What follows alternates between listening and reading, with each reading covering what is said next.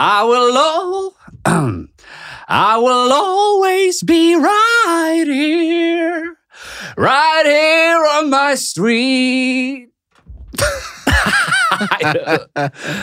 det var Kurt Nilsens uh, forpulte klassiker, det. eh, My Street. Vi er i studio eh, som seg hør og bør. Det er eh, to flasker vin på bordet, og vi har startet med den første. Det er én av to pinot noir. Eh, Janine, eh, skål. Christian Wessel. Skål, eh, skål, Henrik. Hyggelig å, hyggelig å få besøke deg. Det er jo jeg, jeg sa bare, Vi begynte å snakke om pulled pork, og så sa jeg stopp, vi starter. Få dette i gang. Vi starter der, vi. Pulled pork. Jeg har alltid tenkt at det er noe rett og slett noe ordentlig svineri. Ja, nå skal du høre min eh, teori om, om dette her, Henrik. Ja, ja. Det som skjedde i, altså, i norske matprodusenter, var at eh, det var et så fravær av innovasjon i så lang tid. Altså, vi måtte jo Mm. spikke. Eh, vi kjøpte jo bogskinke og brukte spikkekniv for å få skinkeskiver, og så skjedde noe eh, i et av de Var det så ille dårlig stelt, altså? ja, men Husker du ikke altså, da du gikk i, i dagligvarebutikken da du var liksom 13-14, så var det bare sånn Hvilket stykke biff det var? Det var biff. Ja. Du kjøpte biff. Jo. Biff på biffstasjonen Ja og ost på ostestasjonen. Stemmer. Og så var det blodcola og, og kyllingvinger, liksom. Ja. Og så skjedde det noe. altså Det må jo ha kommet inn en, en skikkelig sånn uh, vagabond eller en pioner. Dagligvarerevolusjonen, faktisk. Fordi det fikk jo altså et så skremmende oppheng i pulled pork det ene året. Nå glemmer du, da, at, og du er jo fra samme område, at jeg er fra Jakobs Ja, fra, fra Vi må holde Jacobs det- Jakobs ødelegger alle sånne mathistorier, Henrik. jeg er fra Jakobs, jeg, så eh, jeg, var, jeg var nok ikke det beste eksempelet du kunne bruke. Men altså, jeg- Var det 2015? Jeg husker, jeg er ikke helt sikker på hvilket år det var, men plutselig så du kunne jo ikke snu deg før det var pulled pork-produkter. Jeg kjøpte en Sphinx-eske jeg, til min bestemor en gang, hvor den ene biten så var det pulled pork inni. Det, ja. det var ille. Ja. Det var, det var hysteri. ja, det var veldig Og nå ser du det, nå ser det en sånn nitrist nedprisa 60 eh, fra Tulip. ikke sant? Det eneste du kjøper fra Tulip, er dansk salami. Og det, vi har tre sånne faser med mathysteri i Norge. Det var wokken Mm. på tidlig 2000-tall. Alle fedre skulle wokke. alle, alle sånne epidemier Det er jo egentlig fordi man har noe vondt som man skal dekke med en, og, og enten steker jævla hardt, eller på en måte eh, dra det fra hverandre. Og så kan du hverandre. helt stå og røre hele tiden. Ja. Altså, Fins det en far uh, som er nyskilt på tidlig 2000-tall, som ikke kjøpte seg en wok? Vis meg han, du. Ja. Men da, da mener du wokpanne?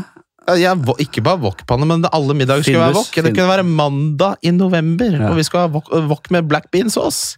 Vi bor i Ski, nå må vi roe oss. Men husk at nå sitter jo både L, altså Det sitter jo folk i alle aldersgrupper her. Jeg pleier å si De, de yngre har jeg tatt mye fram i det siste, men det er jo også eldre folk som hører på. Ja. Eh, Folk helt oppe i 70-80-årsalderen. Og de er ikke nødvendigvis De var for gamle til å huske dette her. De, de har jo alltid gjort sine greier. De har jo hatt liksom De har tatt fram eh, De har kjøpt liksom eh, litt god sild og peppermakrell og, og, og, og, og, hatt eh, ja, sildemiddager, rett og slett. Mye sild og potet. og De, de har ikke kasta seg på wok-kjøret eller pulled pork-kjøret. De aller eldste lytterne. da. Ja. Og de aller yngste de kjenner jo i hvert fall ikke til dette. Nei, det, det er kanskje for oss uh, som er sånn i 30-årsalderen. Eh, Nei, jeg er i hvert fall med deg på pulled pork-kjøret. Wok-greiene, ja vel. ja, men nei, nei, nei, men nå skal du høre den verste. Det, det her det er mye Skal vi ta av headsetet, eller må Ja, ja, gjerne. Åh, oh, faen. En mye, mye Først som sist, da. For det blir, Hvis vi venter for lenge, så blir det rart. ja, ja. Podcaster blir egentlig ganske mye dårligere når du har på det headsetet. Så da, er ikke det deilig? du, du får et filter mellom hvem du er og hva du sier. Er Det er det verste jeg vet. Ja, vet du hva, vi er, vi er, vi. Jeg skal bare fylle på litt video Ja. her. Det er jo veldig Jeg må si hei til deg der hjemme, eh, som sitter og hører på. Det er ordentlig hyggelig. Vi, eh, vi er jo eh, Ja, vi skulle avslutte Paul porken. Ja, nei, jeg skulle bare si, Så kom jo det salt karamellkjøret i 2018, og etter det så har jeg vært så skuddrett at jeg går rett og slett ikke på butikken lenger. Du er jo en ordentlig matmoms. Du elsker mat og vin, og du er glad i det gode. Det er jo jeg også. Skål. Skål, skål. Eh, når du begynner å snakke om å, det salte karamellkjøret, der følger jeg deg ikke, for den støtter jeg.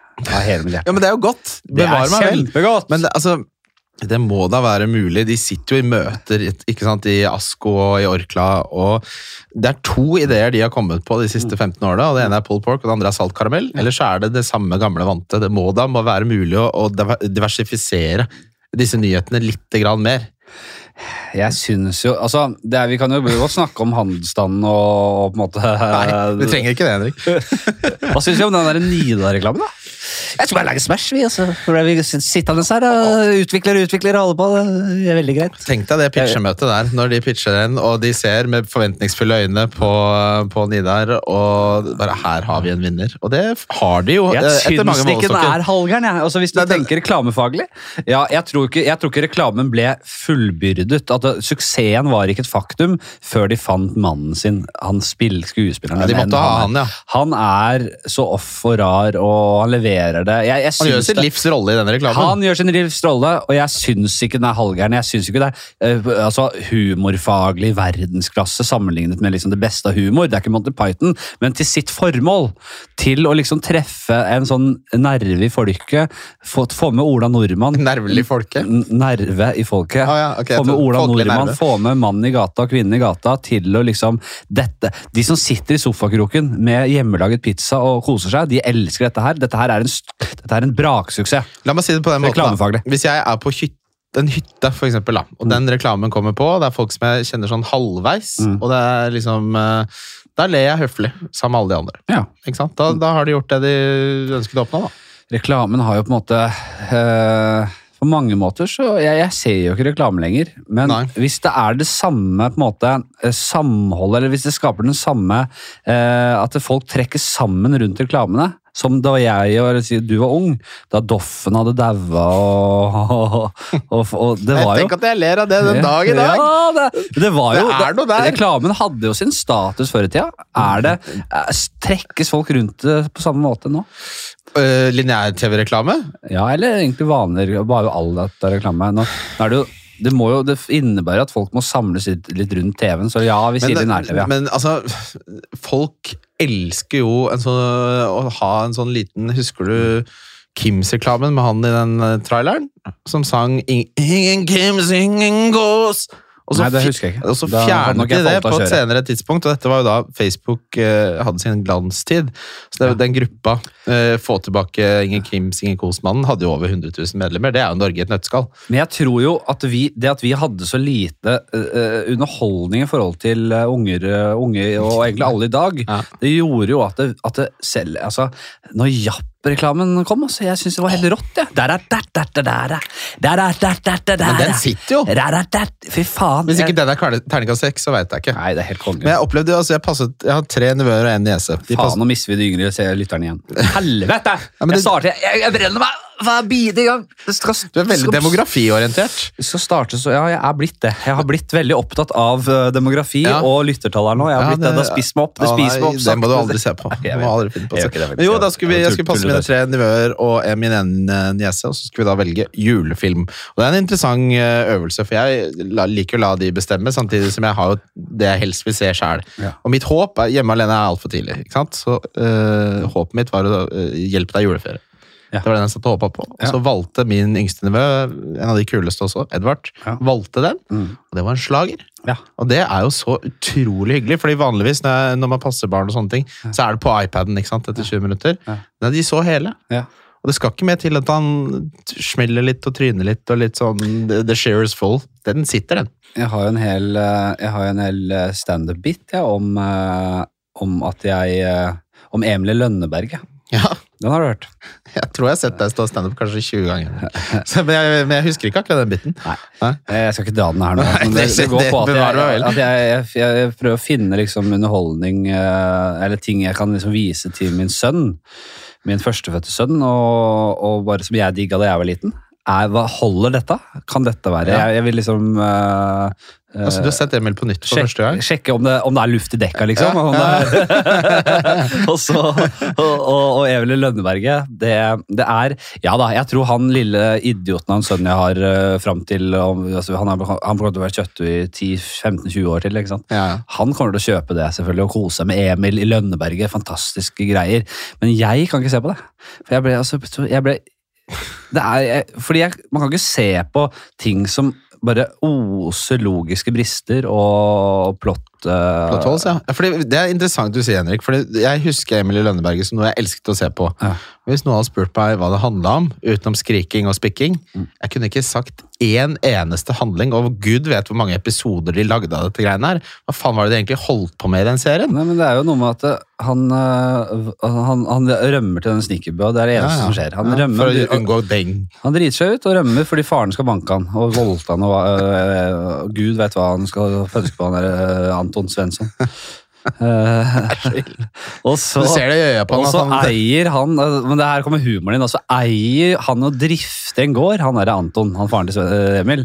Men hver dag kommer han seg ikke inn i den bua. Så her kommer humoren din at jeg finner fram de plantegningene. det er du som har bygget bua? Du har bygget den bua i utgangspunktet. Eller er det bestefaren din? Ja, men uansett. De så plantegningene har du! Ja, men det er jo, dette er barne-TV. Sånn er det jo. Nei, men jeg, jeg tenker jo spesielt på Jeg er jo veldig glad i, i hvert fall spesielt filmene Peter Jackson-triologien Ringenes herre. altså. Ja. Det er jeg veldig fan av. Også, Ja, det var det som lanserte din eh, på en måte, karriere i den øverste. Ja, ikke sant? Mainstreamen. Ja. Og, og det, det er jo litt fint, da, du som er så glad i det, at det var liksom det som var det lille du trengte. For vi som har kjent deg, har jo visst at du har vært så dødsmorsom lenge. At Det- du og Peter Jackson sammen Ja. Nå booke jobber for noen av Norges største selskaper, er jo en fantastisk hyggelig så, greie. Jeg har så mye å takke Peter for. Ja. jeg har så mye å takke for. Jeg husker jeg fikk også min første uh, Det tror jeg min første liksom, flørt med en jente. Jeg tror vi hang litt og sånn. Det var, når var dette? Sånn femte, sjette, sjuende. Ja. På kino, da, så med fotballaggutta og sånn. så fikk jeg litt kontakt også med en dame der jeg på faen meg en av disse filmene på, på, på Symra kino der. Ja. Eh, det, så, så, så, så jeg har veldig mye å takke Peter Jackson for. Det tror jeg det, er akkurat det, det tror jeg det er mange som kan. Tviler du av og til på dine egne minner? Fordi jeg, denne damen jeg, vet ikke hvem og jeg, jeg kan, jeg, jeg, Om det- om det jeg er så usikker om det er ekte. Om, det er, om jeg har drømt det, så jeg, jeg mener jeg. Jeg. Ja, om jeg tviler på min egen vinner, jeg skal fortelle en kort historie, Henrik. Jeg har jo glorifisert ski i så stor grad at jeg rett og slett tok toget dit en dag og tenkte jeg skulle ha en mimrekveld. Du har, du har glorifisert ski. Jeg vokste opp i Ski. Ja, du gjør også i ski. Jeg husker jo deg fra back in the day, men Ja. Øh, du er fra Ski, ja? Ja, ja. Faen, jeg vet ingenting. Vi ble jo kjent da vi var 16, og før det så bodde jeg i Ski. Ja, du, er, du har tilknytning til Nordstrand og gått på Nordstrand, eller er Nei. Nei, hvor, hæ? Hvor faen kom du fra, da? Ja, nei, jeg begynte jo på Montessori videregående skole, Faen. hvor jeg ble kjent med alle våre fellesvenner. Ja, du henger jo med alle de 88-gutta på Ja, det er jo min vennegjeng i Oslo. Ja, er, du, du, fly, du, er, du, er flyktning! Jeg er innflytter! Ja, Det er noe av det verste jeg vet. Ja, det, Av og til så ser jeg sånn, dette er innflyttested, så det er jo meg selv. Er Men jo, det, da tok jeg toget eh, til Ski. Det er ikke lenge siden heller. Så tenkte jeg, nå leier jeg meg en eh, skal bare passe på at du snakker drit om innflyttere, for det er utrolig mange innflyttere Jeg er en i, innflytter. lyttemassen min. Ja, og så har de jo kjøresykkel eh, i Ski, så tenkte jeg ok, nå setter jeg på noe Tupac, som var det jeg hørte på da jeg bodde i Ski, og så drar jeg innom mine gamle hus og liksom mine gamle hangouts og ser om jeg får den der deilig nostalgiske følelsen. Ja. Så drar jeg på Spaceworld og kjøper meg dataspill ikke sant, på Ski Storsenter. Ja. Og det var liksom halvveis opp til rekkehuset på Hebbek der, før jeg skjønte at nå kommer jo noen til å rett og slett få lagt meg inn snart, for dette er jo helt galskap. Ja. Det er regn, tung hverdag, og jeg driver jeg er på kjøresykkel, og takstameteret går, og det har jeg jo ikke fått noen god følelse ennå. Og hva, hvor, tenk Hva, hva, hva trodde du skulle finne der ute? jeg trodde, jeg trodde det, er akkurat som, det er akkurat som når du sier til barn eh, at på slutten av regnbuen så er det en uh, kiste med gull. Ja. Ikke sant? Jeg trodde at i mitt indre følelsesliv så var det en payoff på Hebbek. Ja. Så, men så kommer man opp til rekkehuset, da, så er det jo selvfølgelig noen som bor der. Og når det er en 35, 34 år gammel mann som kjører fra niende gangen jeg er på den kjøresykkelen for å titte inn i stue, stuevinduet der, så er jo folk livredde. ikke sant? Folk har ringt politiet for lenge siden. Dette er klassisk sånn utgangspunkt for en, en, en film. Altså det er dette er en egen sjanger innenfor film og historiefortelling. Dette Å reise tilbake Ja. til røttene. på en Ja, ja. måte. Det derre, eh, man, man, man, man, man, man lager seg en liten sånn van og reiser ut tilbake Ja. til liksom ut på uh, prærien, liksom. Og, og, og alt det som dukker opp av gamle minner og bekjente. Ja. Eh, jeg sier ikke at man kunne laget en film av dette, men kanskje en kortfilm. eller sånn Kristoffer Kristoffer Borgli kunne fått laga noe ut av det greiene der. Borgerlig kunne fått til noe her. Ja, jeg tror det, det hadde ikke helt blitt som jeg hadde håpa. Nei, men da Eh, apropos det vi var, snakket om innledningsvis, da, dette med barne-TV og litt sånn huske ting og hvordan ting var, så er det jo litt sånn det jeg erfarer, er at det er bedre å bare la de minnene være sånn uh, gullkanta, i stedet for å prøve å gjenoppleve de. La de bare leve oppi hodet ditt. Ja. Og så hvis du prøver å liksom skulle pirke borti de som om de fortsatt er der, da Det har jeg aldri lykkes med. Jeg husker Broren min har alltid sagt sånn at han, er, ja, han husker faen ikke liksom barndom og ungdom. og Han husker, er jævlig dårlig på å huske det. Ja. Og så, uh, da jeg husker Han sa det da jeg var ung, han er åtte år eldre enn meg, og da tenkte jeg alltid jøss, faen, hva er det for noe? Jeg husker det ganske godt. Ja. Eller bedre enn deg. Og så nå har jeg blitt eh, så gammel som han var da han sa dette første gang, eh, tror jeg. Liksom. Og nå begynner jeg, jeg begynner også å få en sånn liten sånn derre At det skjer med meg òg. Ja. Jeg husker mindre og mindre. Tror mindre og mindre på minnet. Og jeg vet at vi hadde en kjempebra barndom, og alt var helt topp. Det var ikke sånn at vi har ikke fortrenget noe. Men det, her- det her er veldig bare- interessant. Det, det forsvinner. Fordi, ikke sant, det her går litt tilbake til Jeg spør deg, ikke sant, hva er det, som hva er det de egentlig gjør i Emil Lønneberget? ikke sant? Og så Vi vet at det er snekkerbue og skriking og noe hest og noe gamper og sånn.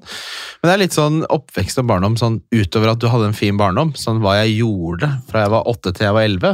Gudene vet. Nei. Ingen, ingen anelse. Det er veldig få som husker så detaljrikt, men, ja. sånn jo, men Du skjønner hva jeg mener? da. Altså, Fra null til du er 15, så husker du jo tre ting. Ja, det er Jo da, men hvis man graver litt i det, så kommer det tilbake, selvfølgelig. Ja. Jeg har bare ikke vært så interessert i å grave Ja, for mye. er det, fordi det, det, Da kommer vi tilbake til Har det så mye å si om du husker det? Nei. Hvis du har det fint og du hadde en bra barndom, Ja. og liksom, er ikke det greit nok, da? Det er interessant at du sier det, for jeg har tenkt litt på det. Jeg tror det er, det er noen er mer nostalgiske enn andre. Ja, ja, jeg er det. Veldig. Og jeg tror ikke nødvendigvis det er noe riktig og galt der, men jeg tror ikke det, har, jeg tror ikke det må ha noe for seg å være veldig nostalgisk og grave veldig mye og leve veldig mye i de gamle minnene der.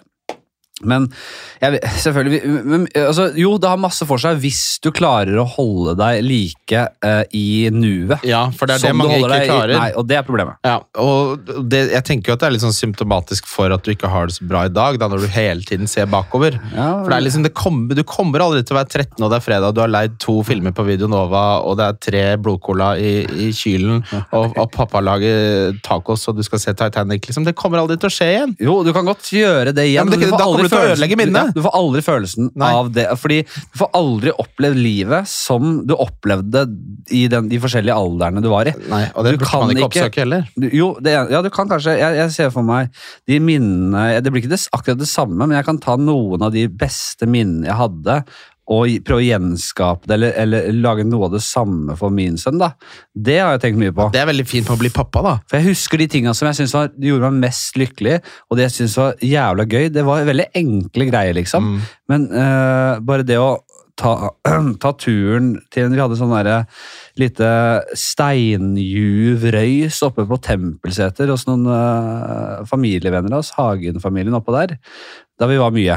Og der hva jeg husker det å bare kunne ha en hammer og meisel Ja, ja. og dundre løs liksom inni der. Og som ung så bare hva, Det er ikke grenser for hvor mye man kan finne inni der. Ja. Hvis man bare holder på lenge nok. Her kan, det, her kan man finne en åre av enten gull eller diamant eller hva faen Ja. eh, Uranium inni her. Ja, og Ikke at jeg visste hva noe av det var på den jeg Nei, husker men bare det, har ikke, av det det. har ikke så mye å si om du visste hva noe var, men poenget var at hjernen din tenkte her kan hva som helst være. Mm. Uh, og det er jo litt sånn, nå vet vi stort sett Vi vet stort sett Du har jo blitt pappa, det er en følelse som, som man ikke vet før man opplever den. Så du har jo på en måte, nå er det ikke så mye mer igjen i livet for deg å oppleve, da. Det er jo synd for deg. Ja, jeg merker det. Akkurat nå er det sånn her, nå føler man litt av og til på at det er, nå, nå er det liksom Nå handler alt om å få forsørga en familie her og få han til å komme opp på beina. og Nå, nå, er nå, handler det om å få han til å bli bra, et bra menneske og ha et rått liv. Ja. Men det går jo ikke an å legge bort sin egen eh, Man må kunne kose seg. Jeg, jeg drømmer Men sånn, sånn jeg hørte, jeg hørte jeg er god venn med Hans Magne Skard. Oh, en av Norges morsomste menn. Kjempemorsom. Ja. Og, men jeg har liksom ikke snakka så mye med han i det siste. Men jeg vet at han, jeg tror ikke jeg snakket med han om at han skal til India aleine. Ja. Han drar 19. desember nå. Uh, men så jeg, men jeg, jeg hørte på Anger, jeg henger litt etter på Anger, podden til Sivert Mo. Hei, Sivert. Han hører på, det vet jeg. Eh, så hørte jeg den her nå, og, og, og, og øh, han skal til India. Han er snart 40 nå, han har ikke barn, og han er en øh, rotløs fyr sånn sett. Og, Ja. han skal dit. Og det tenkte, da tenkte jeg, litt for meg selv, det får jeg aldri gjort igjen. Dra til India, nei? Nei, den er aleine til India. Det er jo bare Når faen skal man gjøre det? Jo, kanskje etter alt Etter når barn er voksne og man har Da det midtlivskrise. og sånn, det begynner, da begynner det å bli ugreit, syns jeg. Det er. Det blir en annen tur! Ja, det, det, det. Er du ikke enig i at det ikke høres helt riktig ut? det er forskjell på å dra til India i 30-åra og 60-åra! Ja, men altså, det fins jo, Nå har jo det blitt en sånn trend. Nå Jonis skal jo til Katmandu, og Hans Magne skal til India. Ja. Eh, og dette er jo barnløse komikere eh, som, som kanskje har dette behovet i større grad enn andre. En, en andre. Mm. Så jeg tror nok eh, ikke det er noe du skal på en måte plage så mye av, Henrik, at ikke du får akkurat den muligheten igjen. Nei. Og så er det jo som du sier, da, det, dette er noe av det vakre med nostalgi. ikke sant? Fordi din nostalgi er der, og den er liksom, den er din. Men nå kan du skape det for sønnen din, og det er kanskje noe av det enda vakrere enn kjærlighet, nesten. Å kunne gi det til sitt barn. Ja, det er det. Og det, det, man får, det man får nå, det er jo at det er mindre I 30-åra med unger og sånn, så blir det mindre sånn at du er ute på fylla og surrer, og du er bruker en dag på. Nei, du, blir, du bruker en dag på å komme deg igjen etter fylla. Jeg, jeg håper og tror at eh, jeg kan sitte mer i godstolen Ja. og lese og lære meg ting, som jeg igjen skal lære min, eh, min, min, min førstefødte. Ja. Eh, og, og, og, få og få roen til å eh, lese Nå leser jeg eh, den Og dette har jeg tenkt på lenge. Så fikk jeg tips av en kompis, og du er historiemann. Ja. Han svenske forfatteren, Napoleon-boka. Åh, Den. Napoleon er gøy. Vet du hva, fytti faen. Ja, jeg, tenkt, jeg tenkt, jeg satt faktisk hjemme etter eh, Jeg hadde vært eh, på litt ute og sånn, og så kom jeg hjem, og så hadde, fikk jeg for meg at det, nå må du lære noe om Napoleon, Henrik. Ja. Du kan jo ingenting. Hadde du blitt spurt noe om Napoleon, du hadde ikke kunnet en dritt. Og han er jo og så, så så jeg en sånn litt sånn ræva YouTube-dokumentar. Ja. det er der man begynner. ja. og, så bare, og så ble det ikke noe mer enn det, da. Ja. Og så kommer han med den boka. Bare sånn, ja, det er det neste jeg skal lese. Jeg, mistet, jeg hadde mista lesegleden. Jeg, eller jeg hadde bare surra meg inn i noe greier og begynte å skulle lese forbrytelse og straff. og Dostojevskij. Bare, Jeg gidder ikke! Det, det, det, det, er ingen som gidder det. Det er Ja. ingen som noensinne har lest 'Forbrytelse og straff'. Nei, de bare sier Ja, det. ja, det er jo løgn. Og så begynner jeg igjen da med faglitteraturen, med biografiene, eller med, med det biografiske, det jeg egentlig digger å lese. Og fy faen, jeg koser meg. Fytti faen. Når du kommer er, inn i det der, noe av det fineste som finnes i verden. åh, vi er helt inne, midt inne i Paris der, og, og, og, og, rebellene slår tilbake mot rebellene igjen. Ja, ja, ja. Og, og, og, og, og Napoleon, som er eh, artillerimann, han er innenfor uh, eh, Mm. Eh, Skvadronen. Skvadronen Mora, general. Ja. Han setter opp noe forsvar som, gjør, altså, som bare skjuler noen kanoner. og sånn, så når, når de rebellene, eller de, de som skal liksom styrte rebell, de som tar, har tatt roret fra kong Ludvig den 16., skal igjen ta over makta og kommer inn i Paris sine trange gater, så har Napoleon satt opp noen kanoner som han har skjult bak liksom, frontlinja til forsvarerne. Mm. Så når de flytter seg til siden, så hamrer de kanonene løs med sånne hagleskudd, sånne blyskudd, som bare peprer ned hele gatene. Ja. Eh, og, og, og, der tar han sånn sakte, men sikkert makten uh, i en utrolig sånn opprørsk, uh, usikker tid i Frankrike. Uh, og, sånn der, og det å, le, å lese om de tingene her, som jeg, og jeg kan, denne historien der kan jeg ikke. Nei. Det er ekte. Det er så Det er så fett. Tenk deg de kuleste på en måte historiske, eller kuleste, mest interessante historiske personlighetene er, er så mye mer interessante enn de vi har i moderne tid. da. Ikke sant? Hvis du Ja, ja. Tenk Djengis Khan, da, for å ta en lavthengende frukt. Ja. Hvis du først begynner å, på det rabbit holet der, da har du er 50 timer da, med moro foran deg. Den uh, hardcore history Ja, ja. Er klart. Så ja, om Djengis Khan. må bare høre på det. Det, ja, det er uh, virkelig et godt tips. Nå begynner vi å bygge bro her, merker du det? Ja, merker du det? Ja, ja. Jeg har lagd noen episoder sjøl. Eh, du har det. Du, for la oss ta litt bio på deg. Du er jo Du er jo da Uh, mest kjent Ikke at du er spesielt kjent, det er ikke det du, det er ikke det du kan slå hardt i bord med og si 'jeg er jævla kjent! Det er du ikke. Eh, Det kan vi. Nei, jeg er enig i det. Men I noen kretser er du eh, høyt elsket, og spesielt fancy fotball. eh, Folk eh, kjenner jo deg fra hei, Nei, heiefotball, si. Fa- Fancy fotball. Ja, fra Wildcard FC. Ja. Wildcard. Ja. Jeg, har jo, jeg er ikke fancy mann. Nei, eh, det er jo ikke jeg heller, du skulle ha med meg på den jævla podkasten deres. Og Da skulle du da kjendiskortet inn der for å få litt lyttere på en eller annen sånn der, ikke lov å le på hytta-suksess. Men jeg sa det gang på gang. Jeg kan Jeg, jeg spiller ikke fancy. Jeg er elendig. Hva du- faen skal vi snakke om?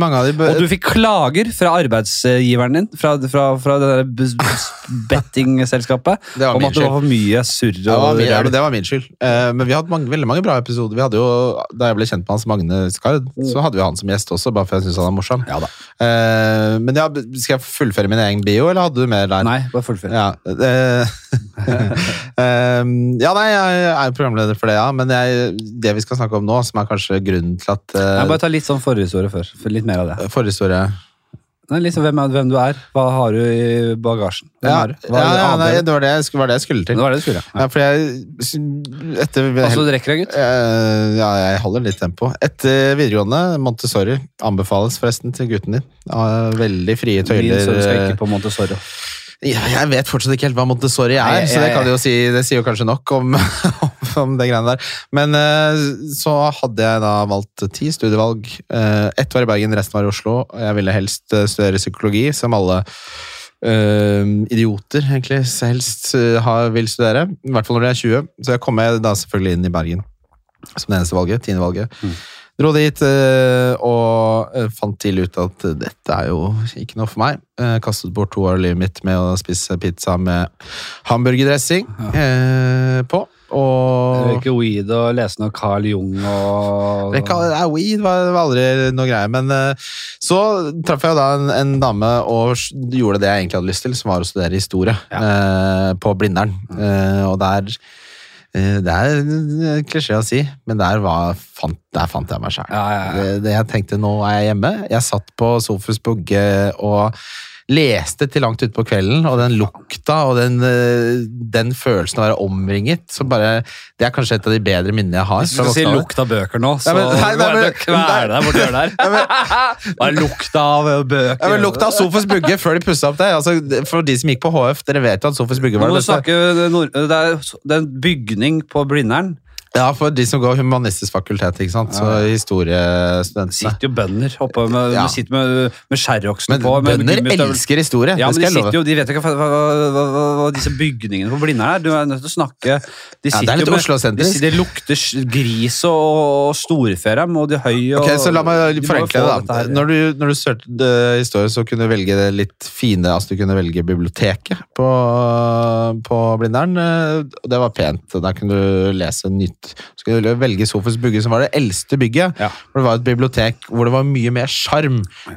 Folk eh, som drev og skrapa inn ting og sånt på pultene. og der eh, ja, du kan si Jeg fant liksom min, eh, min greie. Jeg var ikke noen spesielt god stu, student. da. Jeg fikk, eh, jeg fikk to A-er, og det ene var historie på film, som er sånn klassisk eh, for folk som ikke er så flinke til ting. Jeg fikk en E, husker jeg, i medievitenskap. Ja. Og jeg blanda Chomsky og Marx, tror jeg. Det var, det var ikke, ikke en bra dag. Og så skrev jeg jo Det er ikke bra. Det, er det. og så skrev jeg jo som alle, alle, menn, alle menn har en viss interesse for Hitler. Det kommer man ikke unna. Ja, nå kommer vi der. Nå kommer vi der. Jeg har jo sagt det. Eh, bare før vi går, tar det vi, vi er jo en jævla brobygging her, det skjønner alle.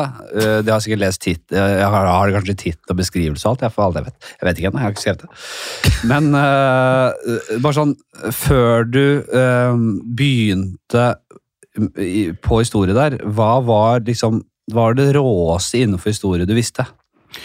Åh, Og, bare for å si det sånn, Du er by far den mest renommerte historikeren vi har hatt i podkasten. ja, jeg, jeg har C-snitt i en bachelor i historie. La meg bare preface med det. du skal ikke ha mer i Flatseth! Eh, men du kjenner meg, du hadde ikke forventa noe mer enn det heller. Bra. Eh, Nei, det, altså det jeg syns var veldig eh, Det var jo klisjé, men jeg syns antikken var veldig interessant. Romerriket, antikkens Hellas. Mm. Eh, så det hadde jeg som valgfag. Og så syns jeg første og andre verdenskrig Og så da eh, litt sånn rundt Jesu fødsel? Jesus, Litt før, da. Det er liksom litt ja, før det. ja. Ja. ikke Noen hundre år før det, ja. Helst 400 år før det. Ja, såpass, hvis vi snakker antikken Hellas. eh. Men uh, første og andre verdenskrig syns jeg var eh, utrolig interessant. Og så kom jeg inn på det som var vanskeligst, det vanskeligste emnet å komme inn på. For det er et krig og konflikt. Mm. eh, som var Geir Lundestad, som er en legende. Ja. Som er da i Nobelkomiteen. En nordlending som hadde altså forelesninger hvor det var eh, venteliste. Han hadde eh, to fingre på den ene hånda Ja. og hadde en eh, sånn eh, Nå skal jeg si det verste ordet på norsk, og det er ikke vinnerskalle, men det er formidlingsevne. Ja. Ja, Det hadde han, som var helt utrolig, og han solgte meg da på at andre verdenskrig er gøy, det, men det er første verdenskrig eh, som virkelig er interessant. Ja, og det, det sier han, ikke sant, for han er nerd. Eh, Ja, det, da blir man nerd også, var jeg sånn, og han nevnte bøker sånn ok, det blir liksom å si sånn herre Nei, nei. Avatar, drittfilm. Se heller Jeg har en japansk Han har-. Jeg har en japansk perle av en indie. den, den sammenligningen holder ikke mål, Henrik. Det, det skjønner du selv også. Eh, fordi eh, Første og andre verdenskrig henger jo sammen, men første verdenskrig er jo Det er ikke det vi skal snakke om på denne, men da hadde man disse enorme på en måte, møtene av forskjellige teknologiske framskritt. Så det er tyskerne som, som myrder 100 000 franskmenn som har kjoler og sverd. ikke sant? Og eh, Vi skal snakke litt om, om rus og militæret senere. og Jeg vil bare spørre deg, hva tror du den Altså dette var Militærlegene ga dette til eh, de franske soldatene som en på en måte del av pakken. Hva tror du deres på en måte, for det første rusmiddel Ja. eh, var? Og hva tror du ja, Dosen er ikke interessant, men hva tror du all, hver eneste franske soldat fikk utdelt hver dag i første verdenskrig? Nei, eh, jeg vil jo tro at det var et uh, opiat, da. Nei. Det var ikke opiat. Ja, du må tenke mer tradisjonelt. Ja, det er sprit, liksom. Det var en liter rødvin. Rødvin, ja. Ja. En En, liter en liter rødvin. Ja, men det vet jo, det har vi jo sett eh, fra liksom gamle, gamle filmer og, og ting, at det, før liksom opiatene hadde sitt inntog, så fikk man en uh, spritflaske ofte. Ja, ja. En flaske rom eller hva faen Ja, det var, og en treplanke i kjeften, og så var det amputering. Ja, ja, men det her var jo ikke i forbindelse med Nå kan vi bare si hva som er temaet, da, for å røpe det. Det er jo da Hitlers rus, nei, skal vi si, eh, nazi... Eh, Det ble mye Hitlers rus og rus i Nazi-Tyskland. Vi kaller det Hitlers rus, og så, og så kommer det til å være i hvert fall rus og rus, kri, rus i krig, da. Så, så for, å Rus det litt sånn, for å gjøre det litt sånn Ja. eh, Et sånt NRK-radioprogram eh, om det er Hitlers rus er jo Det sitter, den. Ja. det, det Abels tårn? Eh, ja, Eller er det Ekko? Eller er det jeg tror vi skal til Urix. Nei, vi skal ikke til Urix. Nei, nei. Uh, men jo, det, Jo, nei, så, ja, så rett og slett, det var der det starta, da. Uh, ja, det startet jo lenge før det, men, Men vi, vi kan starte med altså, Vi skal ikke inn på rusens historie, men vi kan snakke med, om litt sånn om rus, rus og krig. Eller rus og det, det, det å, Krig har jo vært med oss eh, Jeg skal ikke si alle, til alle tider, men tror du vi kan si det. Jo, det kan vi godt si. Tror du har belegg for det, Henrik? Og, det å ha vondt har fulgt med oss i alle tider. Så, og det å, å døyve smerte, Ja. det er jo noe vi har vært desperate etter, helt åpenbart. Og når vi har funnet uh, om det er planter eller uh, etter hvert da uh, fremstilte medikamenter laboratoriefremstilte medikamenter som har døyvet smerte, så har vi jo tatt det imot med begge hender. Og nå er vi jo i en tid, første verdenskrig nå da, men også andre verdenskrig, i en tid der eh, farene, altså eh, konsekvensene ved å ta, mid, eh, ta disse midlene, var ikke kjent. Så Ja, ja, ja, men Nå forgriper du litt realitetene her, Henrik. hva, skal jeg holde kjeft, kanskje? Nei da, men eh, først så må vi jo på en måte snakke om eh, det paradigmeskiftet som var innenfor medikamentenes brus i eh, krigssammenheng. Ja. Fordi det du snakker om er jo døyve sverte. Det- Når jeg snakker om eh, på en måte den utdelte doseringen av rødvin, så var ikke det for å døyve smerte, det var for at de skulle prestere bedre. Sier du det? Det skulle være et prestasjonsfremmende middel, ikke Ja. sant? Og, og det var der på en måte Og da kan vi jo spørre oss eh, som lytter, presterer jeg og og du presterer godt. Presterer jeg noe særlig bedre av å ha drukket Nå er det bare en halv flaske. Ja, nei, Stort sett eh, så er det jo den kurven er jo, det er jo Spør en dartspiller det etter tre øl, så er- sitter han på fjerde ølen, så treffer det ikke en dritt. Men du, de drakk en liter. Skal vi ta og sjekke liksom, Nå skal jeg drikke en liter, for vi har en to flasker rødvin i stedet. Ja, det er interessant. Også, og, I første verdenskrig så var det jo på en måte Da var det ikke så utbredt, eh, for da var ikke det syntetisert enda, ennå, disse tingene, midlene som vi kommer til. Mm. Men det som skjer da i andre verdenskrig, er eh, at eh, Tyskland var jo egentlig de som produserte alt av opiater. Det var de som var eh, på en måte pionerene. Mm. Så hadde jo da Pervitin, da, som er mett... Men bare ta, spol litt, for jeg kommer til å gå litt sånn, være litt streng på disse tingene, så at vi henger med. Eh, var eh, opiater som da eh, innbefatter eh, altså alt fra kokain Heroin. til heroin Nei, nei, nei. ikke kokain, nei. Nei. nei. men det er i hvert fall heroin, eh, morfin, alle disse variantene av Ja. eh, det, som får, det som du har på, på sykehus og på plata, liksom. Det henger jo ofte hånd i hånd. Det er det mange som ikke vet. Det er det samme, egentlig. Stort sett basically Det er det det samme. Ja.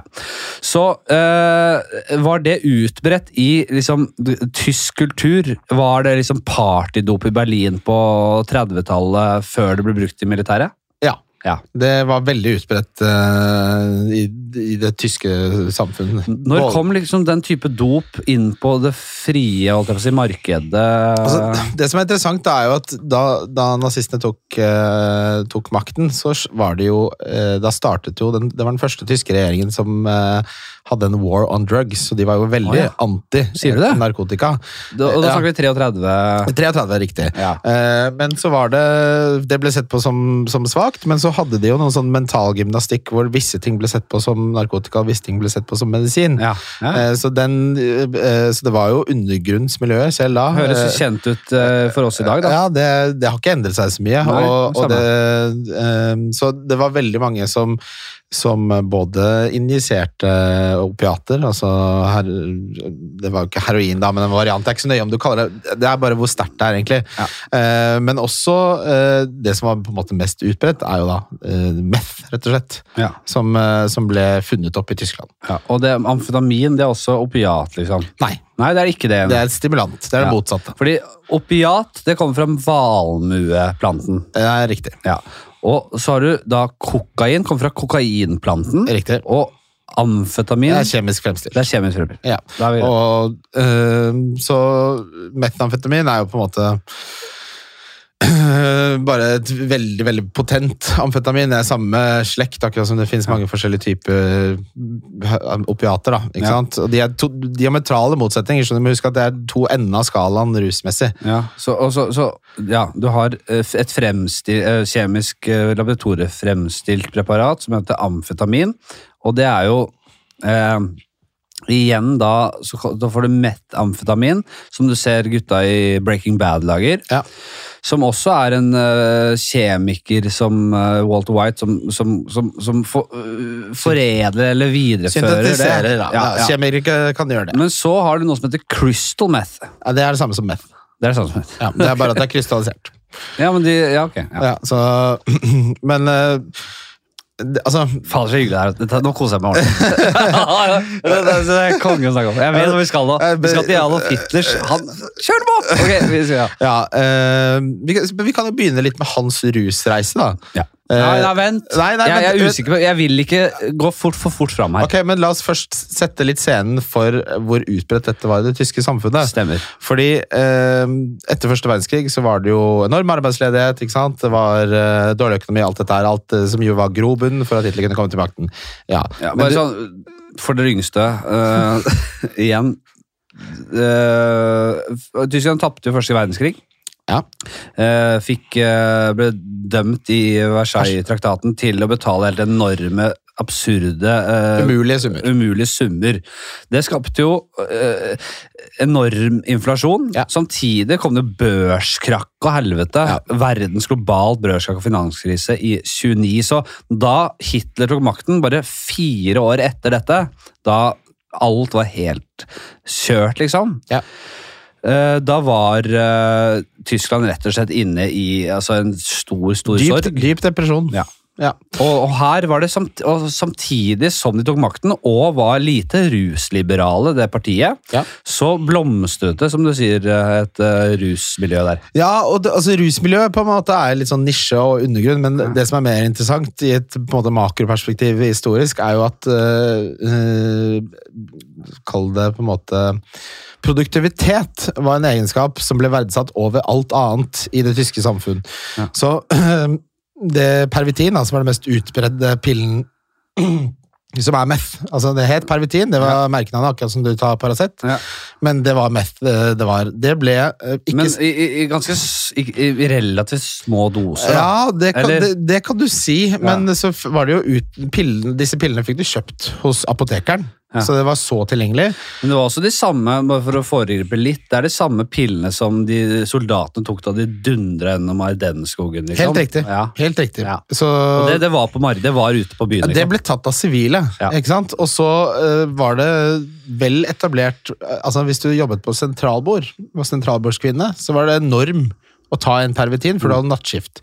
De som bygde autobahn og bygde togbanene, eh, de tok dette her som en del av sin på en måte vitaminstart. Og dette er så, ja, dette Ja. er så dritinteressant, da, for du, du, du snakker om eh, eh, tyskernes uh, Og vi må huske da at det, Tyskland var ikke det rike Nei. som uh, ro... Altså, det, det, Tyskland var og, og egentlig Frankrike, Italia, alle disse landene vi kjenner i dag, var bare små, eh, små, små stater, eller små klaner, egentlig. ja. Som i nyere tid har blitt stater som vi kjenner som Tyskland, Frankrike og Italia.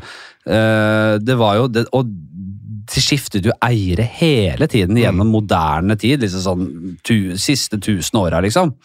Så Tyskland er jo nesten det siste landet som var på en måte ble forent som en eh, Kall det en stat. Og Ja. helt nesten opp til uh, disse krigene så var det jo ikke en samlet stat. Ja, absolutt. Og det, det henger jo sammen, da, ikke sant? Mm. Fordi han solgte jo både da Men denne sterke nasjonalfølelsen og denne produktivitetsfølelsen som, som man føler at Tyskland nesten har vært der for alltid, for de har så sterke eller Man snakker om den denne identiteten og produktiviteten og sånn. Hvor kommer det fra, da? Vet du det?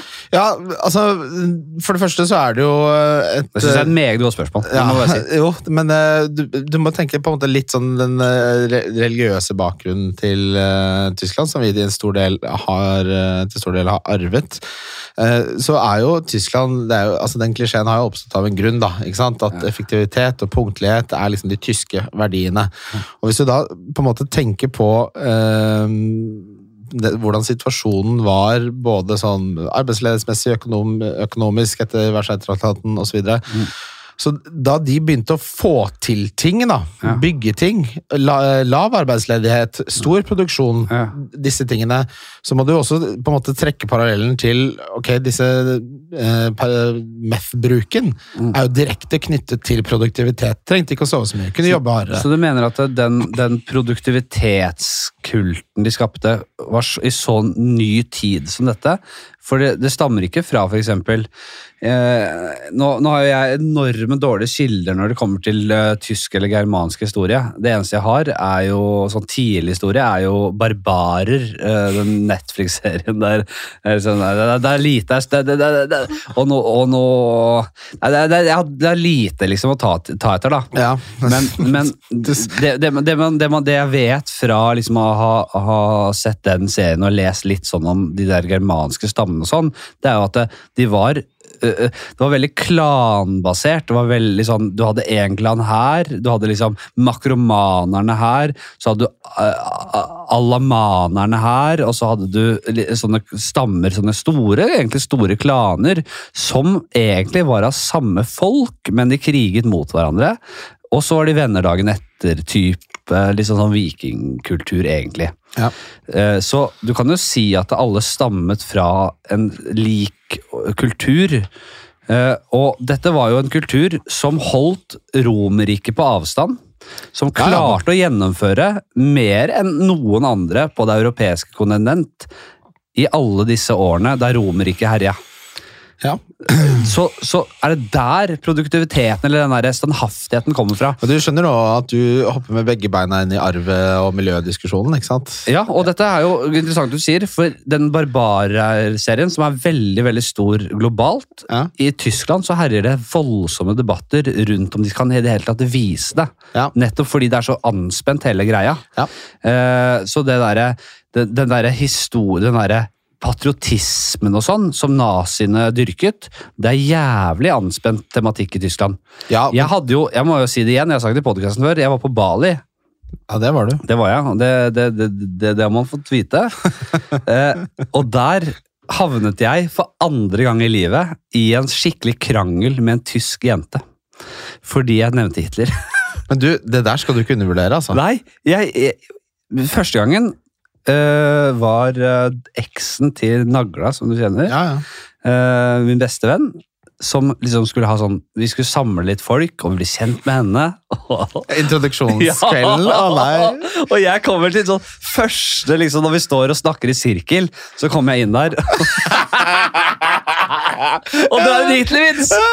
Og ødelegger hele stemninga. Eh, sånn, og, og, og dette skulle jeg liksom fortelle en dame som var tysk, på Bali, Å, at, at dette skjedde. Og da gikk det jo bare igjen. Og før, ja, og før jeg visste ordet av det, så var det, skjedde det samme igjen.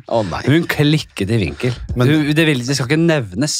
Men det, det her er veld, nå er det veldig mye, mange greiner for meg å, å ta tak i. Nummer én så er en av mine beste venninner hun er tysk. Ja. Um, og hun Der opplever jeg det samme, at folk tar liksom litt lett på å kødde litt med det. Og så må du huske at liksom, Tyskland som i stor grad har jo tatt et, et av de sunneste oppgjørene med tidligere skal ikke, jeg tror Grums ikke er et sterkt nok ord, da, men uh, la oss kalle det et oppgjør uh, med, med tidligere. Og, og de er jo veldig bevisste på, på det også. ikke sant? Så når, når man reduserer det at de er fra Tyskland til Hitler, så selv om vi ikke mener noe med det, så, så skjer det noe for en som er oppvokst i Tyskland og som er vant til for det. Du må huske på, Henrik Flatseth, Ja. det her er ikke første gangen de har hørt det. Det er gang 928. Jeg vet det. Og, Ja. og, og, og det skjønner jeg. Ja da. Jeg sier ikke at du gjorde noe gærent. Nei, og, og det kan hende at det, når jeg på fylla begynner å på en måte Jeg, jeg, går, jo lett, der, jeg går jo veldig lett inn i samtalen. ikke sant? Jeg har jo, jeg har jo den Charlie Chaplin-approachen til Hitler. Ja, Det har jo funka bra for andre i mediebransjen. veldig bra. veldig bra.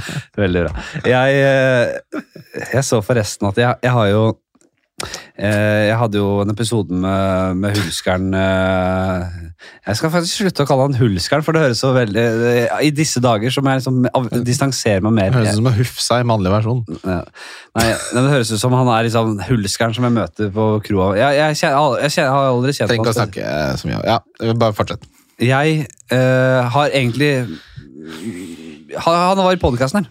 Ja. Og så hadde jeg på Jeg, har, jeg slipper veldig lite sånne eh, Jeg har bare stories på Instagram. Ja, ja.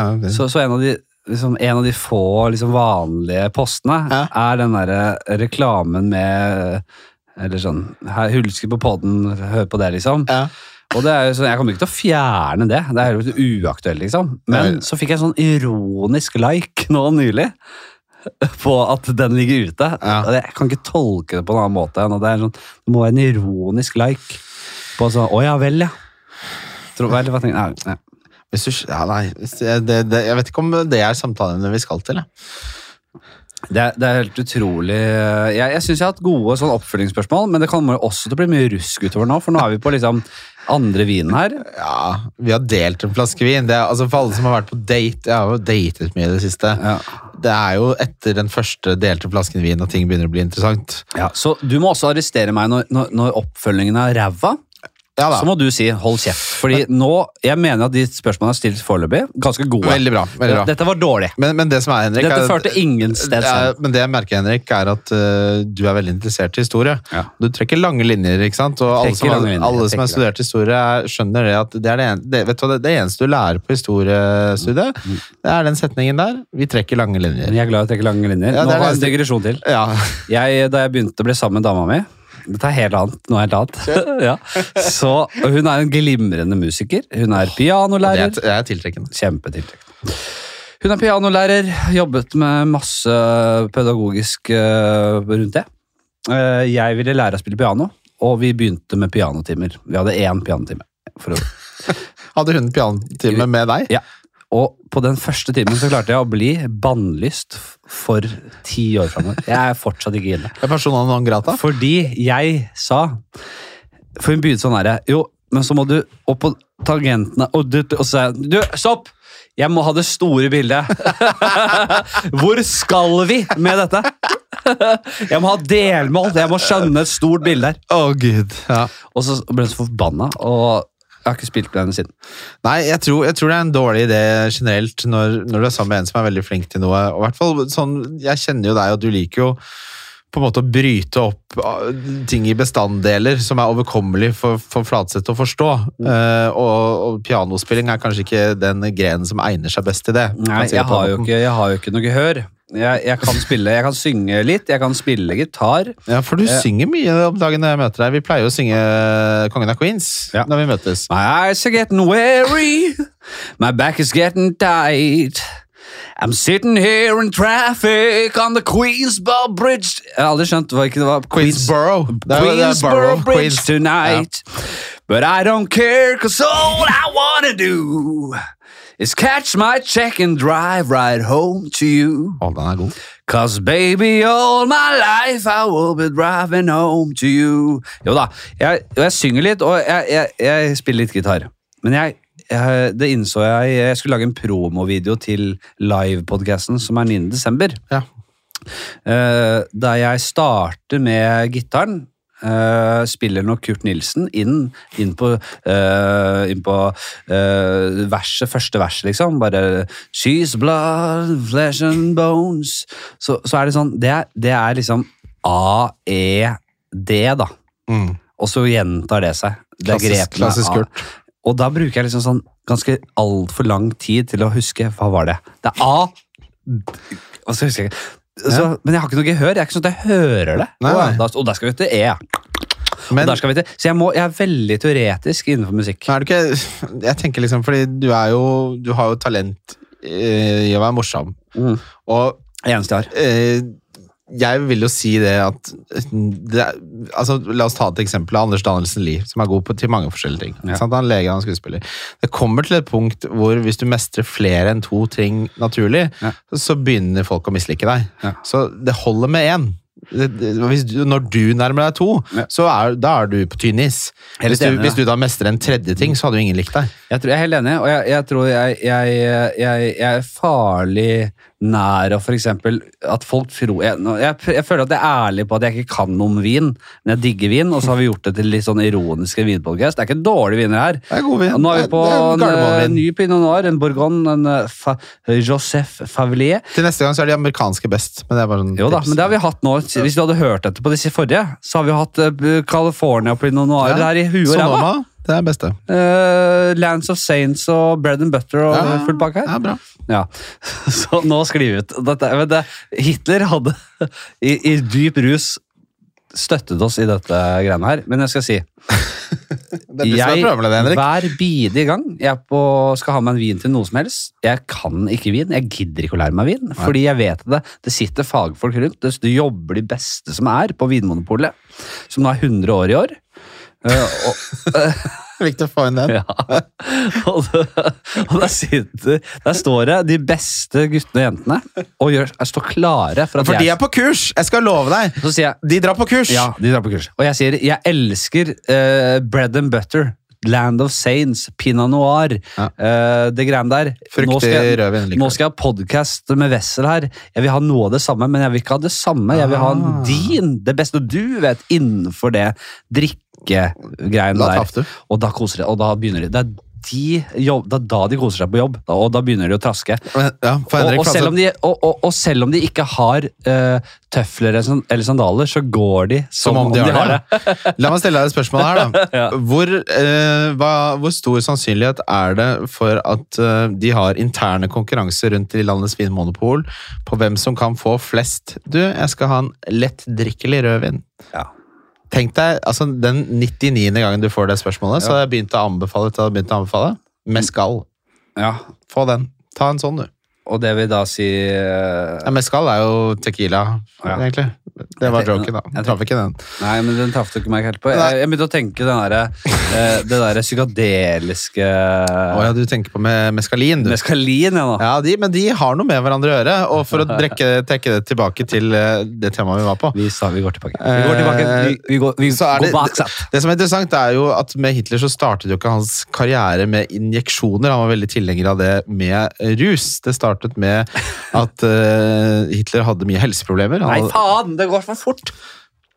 Vi, vi, eh, eh, hvor lenge har vi holdt på? Ikke timen engang.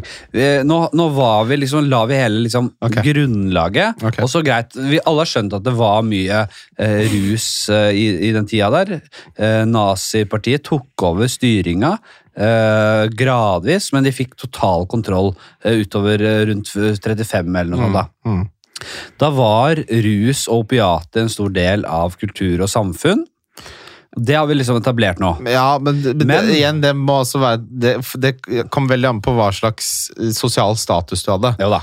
Ja. Så var det høyt eller lavt i status? du Hadde du med? lav status og misbrukte medisin, så ble du jo henretta, stort sett. Ja. Så, Så, så, så igjen en, igjen en parallell til dagens samfunn. Mange bruker det. Du har finansfolk som tar både heroin og kokain eh, over en lav sko, og som klarer seg veldig fint fordi de har pengene til å dekke over det.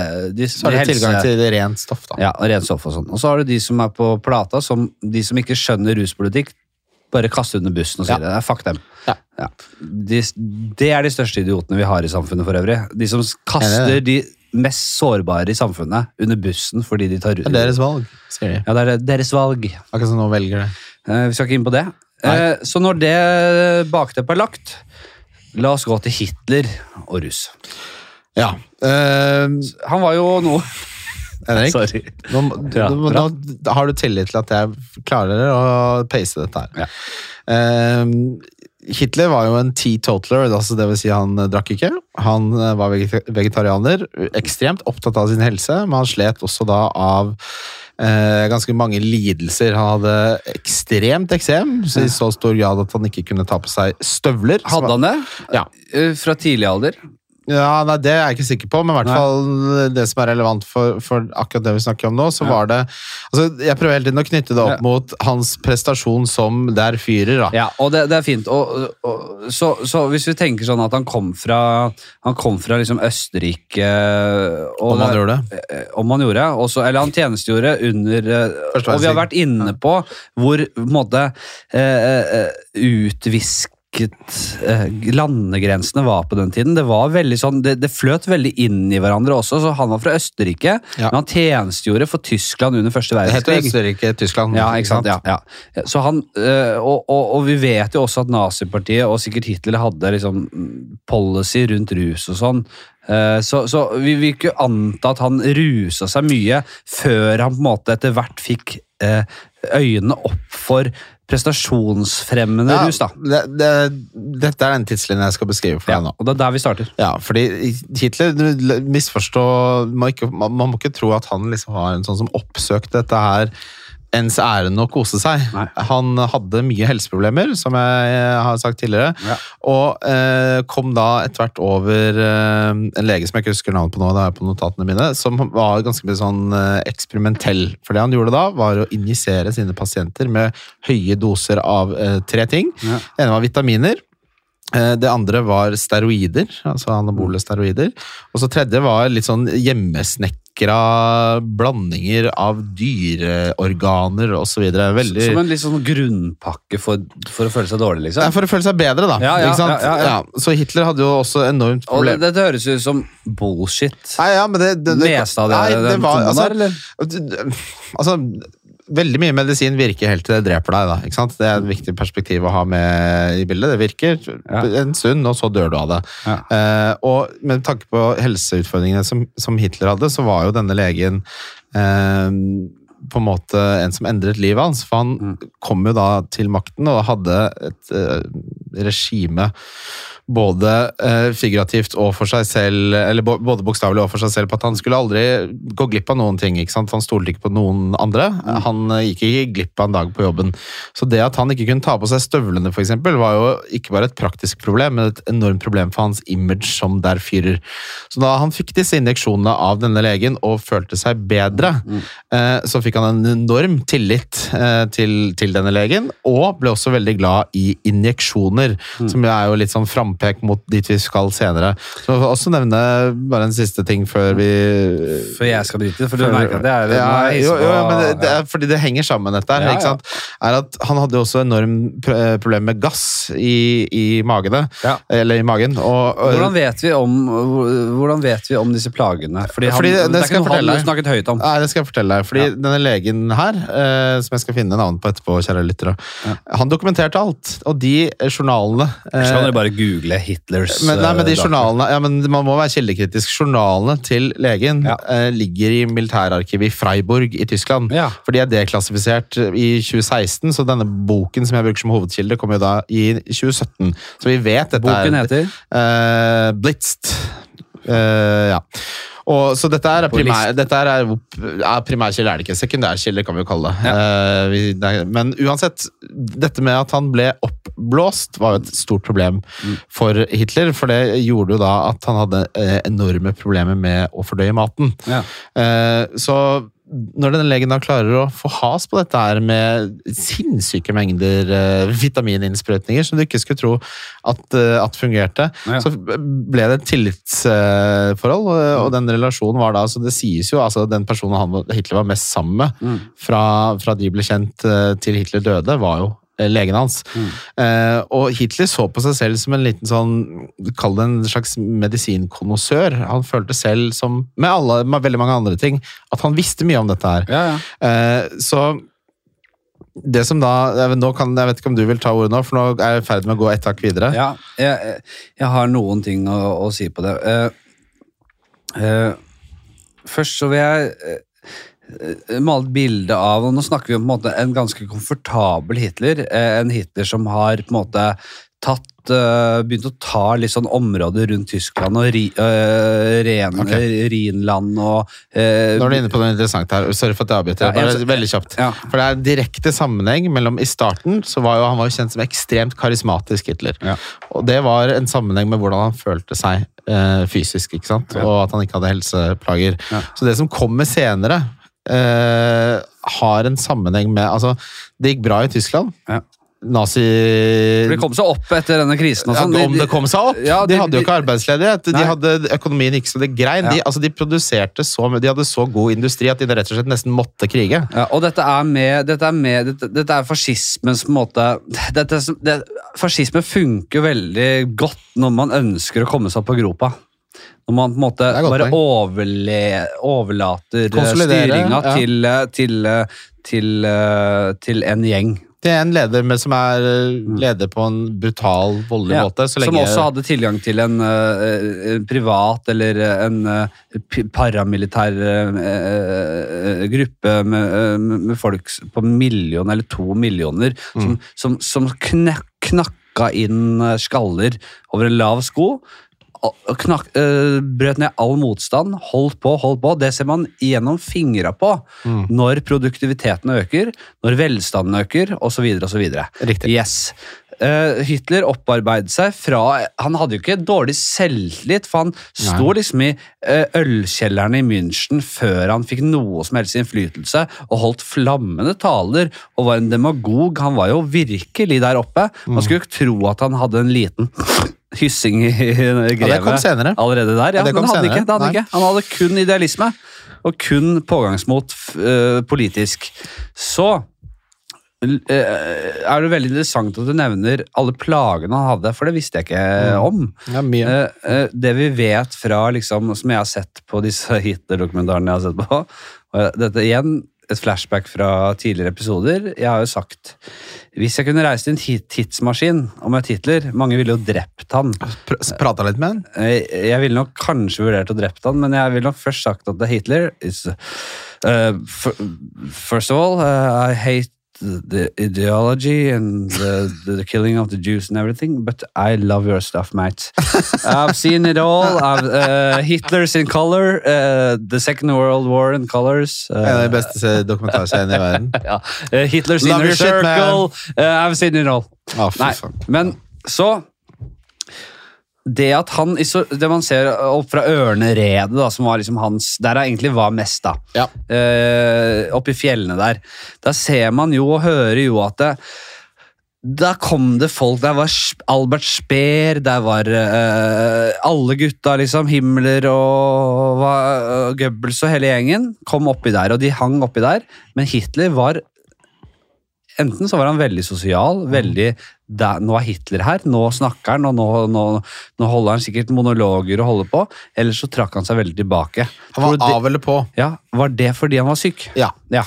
Det er jo, nå, nå må vi være litt kildekritiske og si at på en måte, det her har blitt møtt med litt motstand, denne boken, som sier at dette overdriver betydningen og så videre, og så kan dere på en måte researche selv. Men du, ikke... sa, du sa veldig klart ifra i stad, og det synes jeg var bra, at du også har lest motstemmene til altså det, du, har, du har liksom en eller to bøker som du støtter deg på her, men du har også lest på en måte kritikken, Ja. så at du kan du er biased her, da. Ja, ja, absolutt. Det må man jo alltid gjøre. Og, Men, men det, altså, du har et godt resonnement der, eh, Henrik. fordi det er ingen tvil om at uh, Henrik Nei, herregud. Den, den er ikke god. Hitler, Hitler. eh, hadde så på på en måte sosiale Både sosiale ting og militære ting som noe han måtte prestere på. og eh, Han var påskudd eller avskudd, og gjerne så var det altså det er jo nå må jeg hoppe litt i tid. Ja. Han ble jo forsøkt myrdet, ikke sant? dette attentatet. Og da var jo han dypt inne i sin Men, da, og nå, nå, men nå spoler du sånn ti år fram i tid der. Jo da, men uh... Eh, Valkyrien eh, Valkyrie, okay. Operasjonen Valkyrie. Ja. Ja. Eh, Dette var jo i 1945 eller 44. jeg, jeg skulle bare gi et frampek. Ja, og det skal du få lov til. Ja. Jeg må si til lytteren. Ja. Jeg, min oppgave er å si til lytteren at nå hopper vi fram. Ja. Eh, et frampek er jo da Altså, dette kunne du ikke fått gjort med en ordentlig historiker. En som, ikke, altså, en som har mer enn bachelor, da. Som jobber aktivt som historiker. Kunne aldri gjort dette med. Det, det er så deilig å gjøre det med deg. Fordi du kan liksom si det derre Du kan sitte og drikke Du kan sitte og måke i det rødvin og bare Slapp av, nå! Nå er vi ti år fram i tid! Ja, men helvete, det er så nøye. Jo, men altså, Jeg vet ikke om tids... Fordi det er jo alle som ikke studerer historie, blir veldig opptatt av årstall Ja. og tidslinjen. Og det, jeg er ikke så glad i å følge den kronologiske tidslinjen. Hvorfor ikke det? Fordi Jeg poenget- skjønner ikke hvorfor du ikke skal følge en tidslinje. Nei, Du må gjerne følge en tidslinje. Det er I mange situasjoner så er det bra, men verdens beste film, for eksempel, eh, Grizzly Man, den hopper fram og tilbake i tid hele tiden.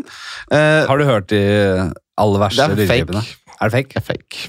Uh, Da, for da kommer, vet du hva, det er og det er fake. Ja, det er fake, ja. Ja da. Fordi det, For de som ikke kjenner det, så er Werner Herzog laget en dokumentar Ja. eh, om eh, Tim uh, det? Samme det, han levde med grizzlybjørner. Ja, Levde med grizzlybjørner i Alaska, og det endte jo som det måtte ende. Men han fikk jo ni gode sesonger uansett, da. Han hang med grizzlybjørner og trodde de var vennene hans. Der en hopper- dag ja. så ble han spist, og dama ble spist. Og Ja. det, det, det, Werner Herzog har sagt at eh, han var den eneste som hørte Lydopptaket. lyd, lydopptaket, for kameraet lå liksom inne i teltet og tok opp lyden av at, At de ble spist. Ja. Han hørte gjennom dette én gang, så det var det verste han hadde hørt i hele sitt liv, så sletta han materialet. ja. Og så har jo du tydeligvis vært på det mørke nettet og funnet en Jeg, fake jeg har fått lyttere som har sendt meg eh, ah, ja, for det er fake. Ja. Ja, det er fake. Eh, kan hva er- ja. Men jo, å hoppe litt frem og tilbake til det, ok. La, men eh, la oss heller gjøre det på en eh, annen måte, i og med at det er såpass mye motstand. da. Men eh, Så Hitler da begynner å se bedring i sin helse som følge av disse vitamininjeksjonene, hormoninjeksjonene. Ja. Og han begynner da å merke at han trenger disse for å prestere, så han har da tytter veldig knett eh, tytter veldig tett injeksjoner til det å prestere. Så det er noe som på en måte lager en grobunn i Mm. eh, hjernen hans. Og så, eh, så lenge dette her går bra, så er jo på en måte dette uproblematisk, for jeg har ikke introdusert opiater. Vi har ikke introdusert heroin eller kodi. Det, altså det Hitler foretrakk, var noe som heter oxycodone, som fortsatt finnes den dag i dag. Mm. Eh, så hvis du ser for eksempel i Oxycontin, liksom. Ja. Mm. Eh, litt sterkere. Dopesick. Ja, det fins. Det, det, var Det det, han- det, var det han gikk på. Dette er jo, dette er jo det heroin- eller opiatpreparatet som uh, Ødela USA. Ja, og ødela USA, og som finnes på norske sykehus i dag, uten Ja, ja. at det er noe problem. Morfin er et kjempebra preparat, men det er det som er dopesick, det dopet der, liksom. Ja, ja, det er det som har, har gjort Den serien som ja. Ja, bra. Ehm, men også når ting begynner å snu, ikke sant? Og det er det jo mange ting som skjer. En ting er militært, eh, en ting er med helsa til Hitler. Det hadde jo også en, på en måte en sammenheng. Så begynner også eh, på en måte hvilke medisiner, kall det det, eh, å endre seg. Hva slags medikamenter Ja. og stoffer han får av denne legen endrer seg. Ja. Og det er nesten fascinerende å se, fordi denne legen har da ført en journal på alle injeksjoner han har gitt Hitler. Han har det, Han har det. Ja. Så du kan se på Så, tidslinjen, som leger gjør. som leger gjør. Ja. Eh, og- og så du kan jo da se på tidslinjen på hvilke stoffer Hitler fikk injisert, Ja. så kan du koble det opp mot hvordan det går eh, i, krig, i andre verdenskrig. Ja. Og så er For det å spoile litt, så uh, De tappte, ja. går det fra å være Du går fra å ha en eh, selvfølgelig med han har jo, han er vel, Hitler er jo en veldig god leder, så han får med seg utrolig gode militære ledere lenge. Åh, Nå er vi inne på et veldig godt poeng. Som jeg, har ikke. Ja, Ja. ja og, og, og, men jeg sier det, jeg spiller, stiller gode spørsmål! Jeg, jeg, jeg, jeg, er ikke tapt bak en låvedør programledermessig. Er Flink! Hitler er veldig god veldig lenge. Han kjører blitzkrig, blitzkrig, blitzkrig. Han, er, han finner opp, som som Napoleon, da. Finner opp måte militærstrategi på nytt litt. Han er en, eh, en pioner. Det du ser, det du ser eh, når han ble lukket inne fra både vest og, øst, og Russland og vestlige styrker eh, styrkler seg rundt dem, det at du går fra en sånn derre blitzkrig-mentalitet til en skyttergravs første verdenskrigs Mm. krigsstrategi, som selvfølgelig går på Jeg har tenkt at det kun er på en måte mental sykdom. At han er rett og slett Du har også det ryktet, eller den eh, Det ryktet Eller det, det, det, det, hevdes at han At eh, vestlige skarpskyttere, snipere, hadde Hitlers hue i snipersikte. Ja, at han ja, da han gikk, nei, men da han gikk liksom turer opp i ørneredet der, liksom. Eh, At de egentlig kunne tatt han ut når som helst, men at de beholdt han fordi han Var var, mer skade, han var mer skadelig enn ja. Eller han, mer, ja, han gjorde mer skade enn godt, da. Ok, Okay. Så ja, bare ja. Blitzkrig, ok, La oss hoppe litt tilbake. da Fordi Det som skjer, er pervitin, som er dette meth- meth-pillen. Eh, Det tar ganske lang tid før uh, nazistyrkene Mm. adopterer dette som en del av sine uh, måte basic utdelingspakker til alle soldater. Så ja, bare for å ta kjapt det. Det her er altså dette eh, altså, hvis, du, hvis du er soldat og skal prestere tre døgn i strekk, da, eller kanskje ofte mer, så vil du ha disse preparatene. Ja, okay, for å si det mildt, da. Ja, det, det Dette er amfetamin. Ja, Mye sterkere. Det, det, det, det er det som får uh, Og dette er mye sterkere enn det preparatet som får uh, amfolk i rusmiljøet i Oslo eller i Haugesund eller hvor faen det er, til å gå rundt og rydde og styre rundt. Ja, Eller å stjele roteskuffen til folk og løsne opp i ledninger. ikke sant? Ja. Eh, men ja, liksom, men det tar litt tid. Så er det da en Men med, med den militære bakgrunnen så blir det mer hensiktsmessig. Det blir jo, altså det de opplever da, er at uh, han prøvde, det var en general som prøvde å få dette innlemmet i den standard-issue som han ga til alle, møtte litt motstand innledningsvis. Og så ber han da uh, generaler rapportere til han, de som får det. Hvordan presterer de? Så sier han det er enklere å få de til å utføre oppdragene sine. De trenger ikke å sove. De er mindre redde. Ja.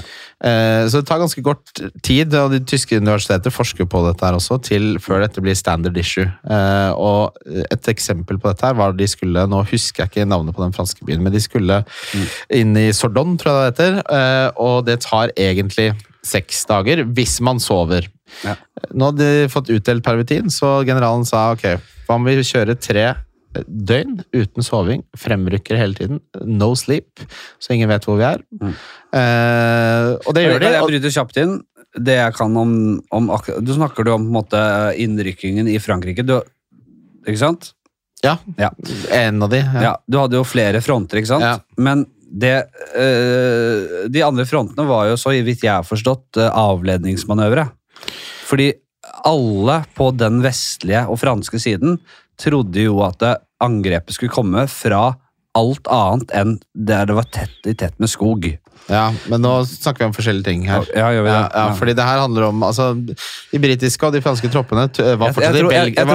jeg, tror, tror, amatørene og alle lytterne her kommer til å elske dette. Så hvis det er én historiker, så kommer det til å Men jeg tar forbehold om at jeg, Ah, jeg er ikke historiker. Men, det, altså, nå, men, Men det, det, Poenget, da. det er irriterende for folk som kan Ja, dette. å poeng, la oss eh, på en måte gjøre det litt enklere. Poenget var på grunn av at disse tyske soldatene gikk på MEF, Ja. så kunne de ha et bevegelsestempo Ja. eh, som ikke motstanderne forventet. Ja, og og, så da de trodde de var ett sted, så Ja. var de eh, 36 timer foran, fordi de hadde ikke sovet fordi de gikk på meth-piller. La oss si det så enkelt. Ja, ja, så la oss si det så enkelt. Så uansett hvor de skulle, om det var i den skogen eller hva faen det var, så snakket vi om en eh, militærmakt som drev med det som eh, vi i dag, eh, og som vi den gang også, ikke vi, men de kalte blitskrig. Ja. Som var rett og slett å overrumple fienden med enorm hastighet. Altså, du, du, du kjørte på noe så jævlig.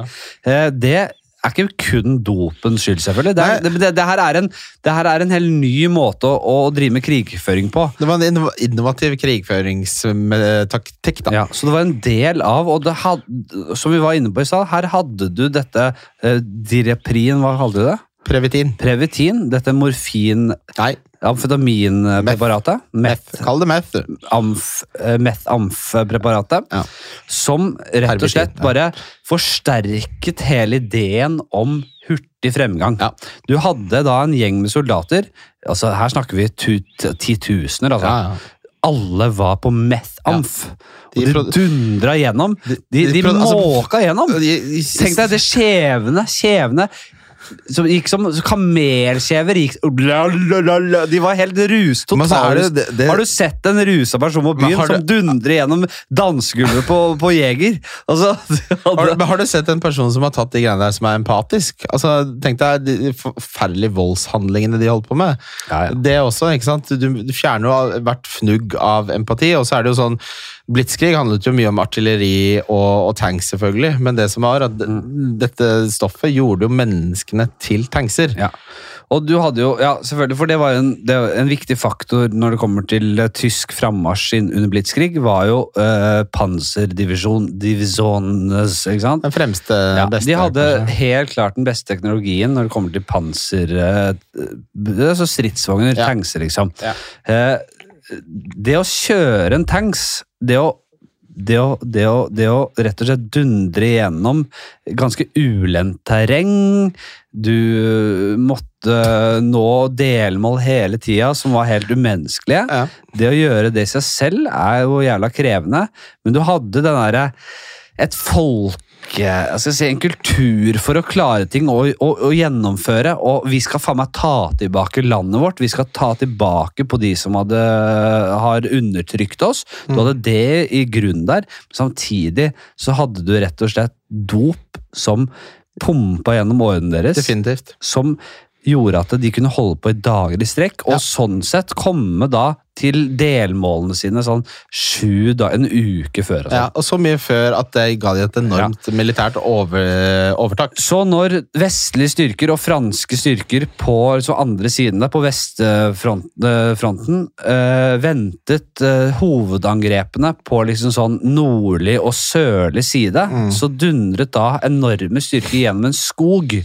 De lå tre, 36 timer før det de trodde, da. For det- de trodde de sov. Ja, og dette var på dop, fordi det, var- Det, var, går- men det er meth! Ja, det, det er meth. Det går ikke an å komme gjennom det kan, Du kan ikke de, de har jo speidere ute, de ser jo hvor Ja, ja. folk Men her er det sånn Dette her er jo igjen sånn Dette kan du ikke gjøre på nytt, fordi når du gjør det for andre gang, så Nei, bare ja. De er på mett. De, vi la oss bare anta at de kommer 36 timer før, for det kan hende de er på mett her. Hvilket dop er det du tror de er på? Det, det er en kul jobb å ha i militæret. Rusanalytiker. Så, så uh, her har vi rett og slett gått fra et regime som har tatt full, total kontroll over Tyskland, Ja, det er utvilsomt. Ja, eh, som var i utgangspunktet eh, Men uten at det har noe Det har ikke noe å si om, om de er øh, øh, Om de ikke vil at det, folket skal ta dop. Men soldatene er jo noe altså De sender Ja. soldatene ut i krig, så den, der, Ja, men, den vurderingen er jo helt sånn men, men altså, nå må vi Ikke sant? Fordi så lenge ting gikk bra, så var alt greit. Og da var det ikke sant, de som jobbet Det var, det var til og med sånn at altså, folk som eh, de med barn, da, hvis de hadde eksamen, så var det, kunne de ta en halv pervitin i frokostblandingen. Ja, så det var de, sånn. det var så utbredt. Men hva syns liksom eh, naziregimet eh, om den kulturen? Ja, Det, det hadde ikke noe problem med. For det, nei, fordi for det bidro til produktivitet ja. og prestasjoner. hadde-. Ja, det var det jeg var inne på i stad. De hadde ikke noe nødvendigvis noe voldsomme eh, De visste ikke skadevirkningene på sikt. Ja, også, De, det var ikke sånn at de ga dop til barn og visste at de kom til å Nei, slite det Det ble sett på som en sterk kaffe, da. Ja. Og, så, og sånn er det jo i samfunnet i dag også, at eh, det finnes jo mange på en måte, ting som eh, fremmer prestasjoner, som ikke blir uglesett, og så er det ting som gjør deg eh, lat og uproduktiv. Som blir sett på på en helt annen måte, og, det er jo helt, helt logisk også. Men så er det jo på en måte en tett kobling mellom når det går bra for naziregimet, eh, og hvordan ting ble sett på da, og, men også uh, Hitlers helse, og når ting begynner å snu. Ja. For da endrer det også, uh, som jeg sa, hva han tar. For han Ja. begynner jo på et tidspunkt på Vi, eh, vi skal faktisk veldig snart inn på sånn konkretisert hva Hitler tok og den der tidslinja der. Men før det, eh, og dere kommer ikke til å merke en dritt av det, for jeg skal eh, eh, Det blir liksom pissepause, og så er vi tilbake om noen millisekunder, da. Men det blir en liten pause. Kanskje vi, hvis noen uh, i- på produksjonssida er uh, gode her, så legger de en reklamespot her, da. For jeg tror eksempel. den sitter.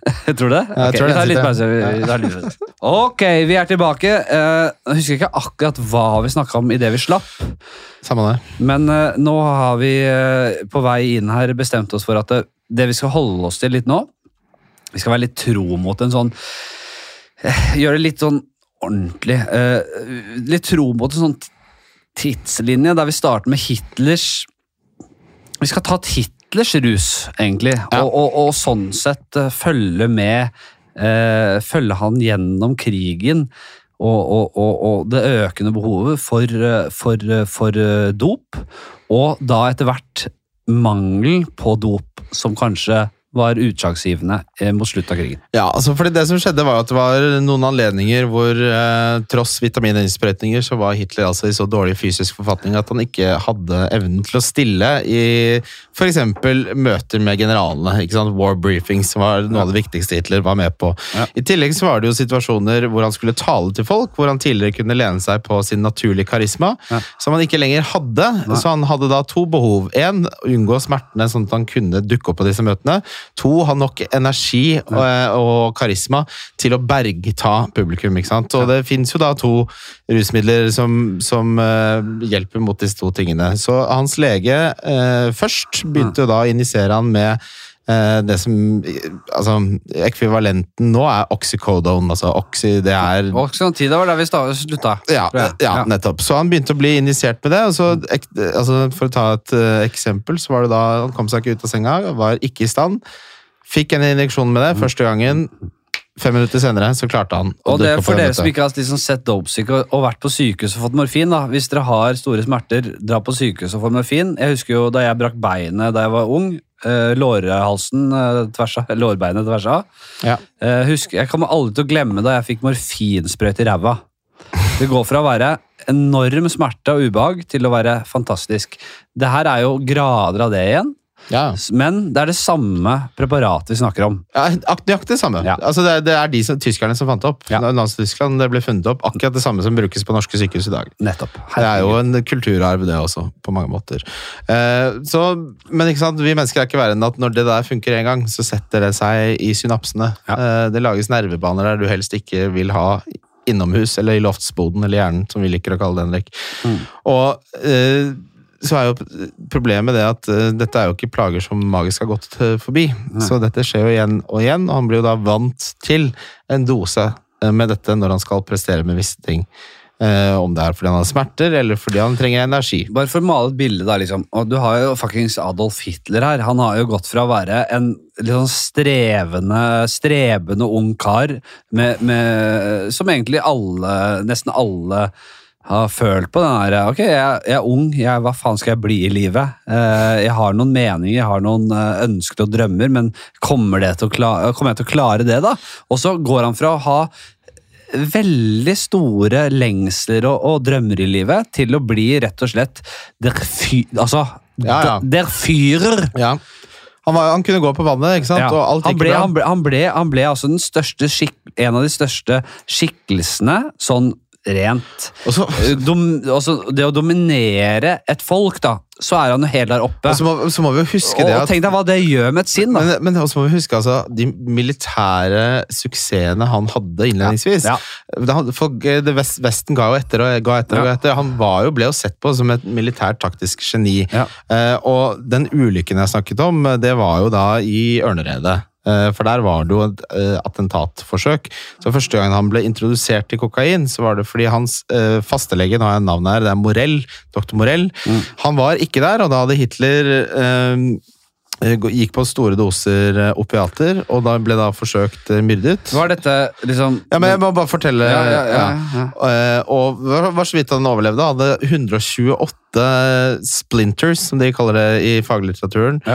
Og da er det en annen lege som kommer for, til å, for å sjekke på Hitler. Og dette var da en øre-nese-halslege. Og alle som har vært borti legestanden, vet at det finnes ikke noen større drittsekker enn de som er øre-nese-halslege. Fy fader. Det er noe av det verste jeg har vært borti. Jeg, jeg har vært borti det selv. Jeg fikk meg, jeg gjorde litt gruvearbeid for litt siden, da jeg høvla ut litt uh, kjøtt i nesegangene. For å si det rett. Få det ut.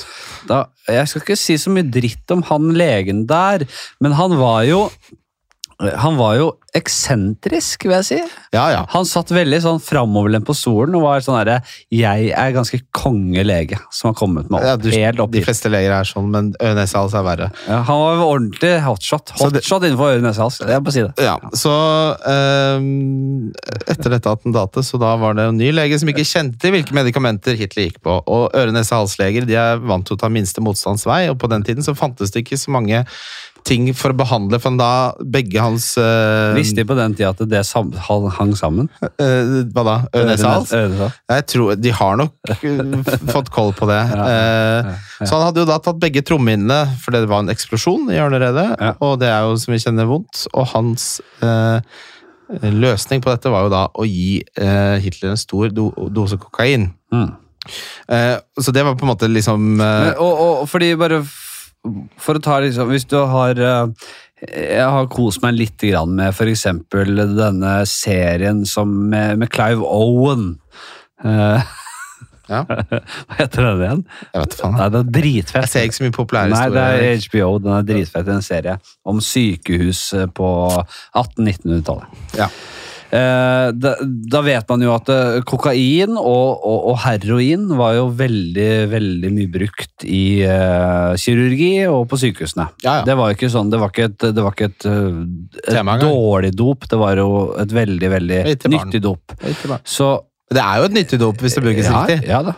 Så han fikk rett og slett eh, masse kokain for å da Hva gjorde det for han? Nei, altså, Kokain er jo brukes jo. Mm. Du drar til tannlegen din, så får du du får ikke kokain, du får Novocaine, som er en derivat av kokain, som har lokalbedøvende effekt. ikke sant? Ja. Så eh, du kan si med Hitler at han ble på en måte avhengig av to av de sterkeste stoffene som fantes, som da er her, Heroin og kokain.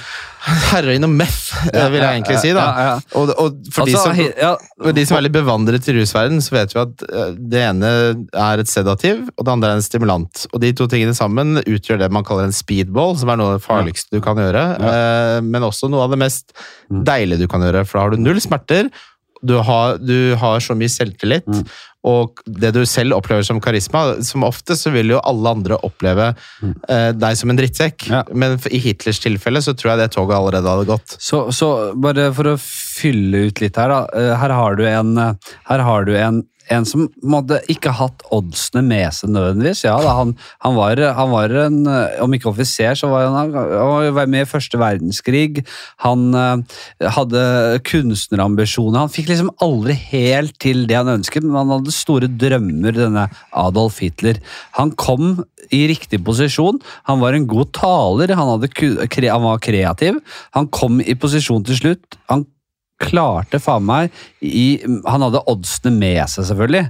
Det var jo en tid der hadde, Alt lå til rette for at han skulle klare å komme i den posisjonen. Ja. Og når, da han var i posisjonen som der fyrer, han hadde laget seg sin egen liksom kultfigur der, og dette tror jeg ikke Det trodde han jo på selv også. Det trodde han, og dette er ikke dopen, dette er mer kreative eh, evnen hans og tiden han levde i som tillot dette her. Ja, la, oss ikke, først- la oss ikke unnskylde for mye. Men, Nei da, men ja. sånn var, så, så, det kan man spekulere i, da.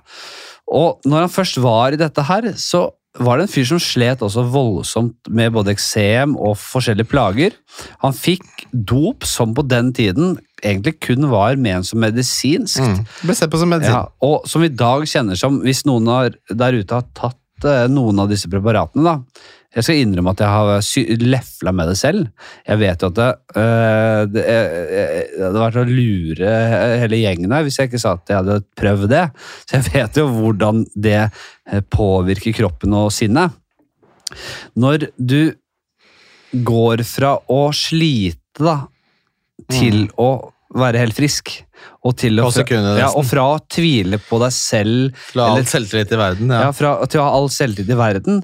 Når du i tillegg, da, eller når du i utgangspunktet har all makt i verden, som det føles sånn for ham, Ja, ja. så, Og på ja, så må vi bare tenke hva slags impact dette hadde. Ja, og så Hvis vi på en måte skal prøve å, å snurpe litt sammen, da, ikke sant, så var det jo eh, Han ble jo ikke sant, veldig avhengig av dette her. Han har fornektet det, da. Han eh, var aldri klar over selv at Nei. han var uh, avhengig av liksom. opioider.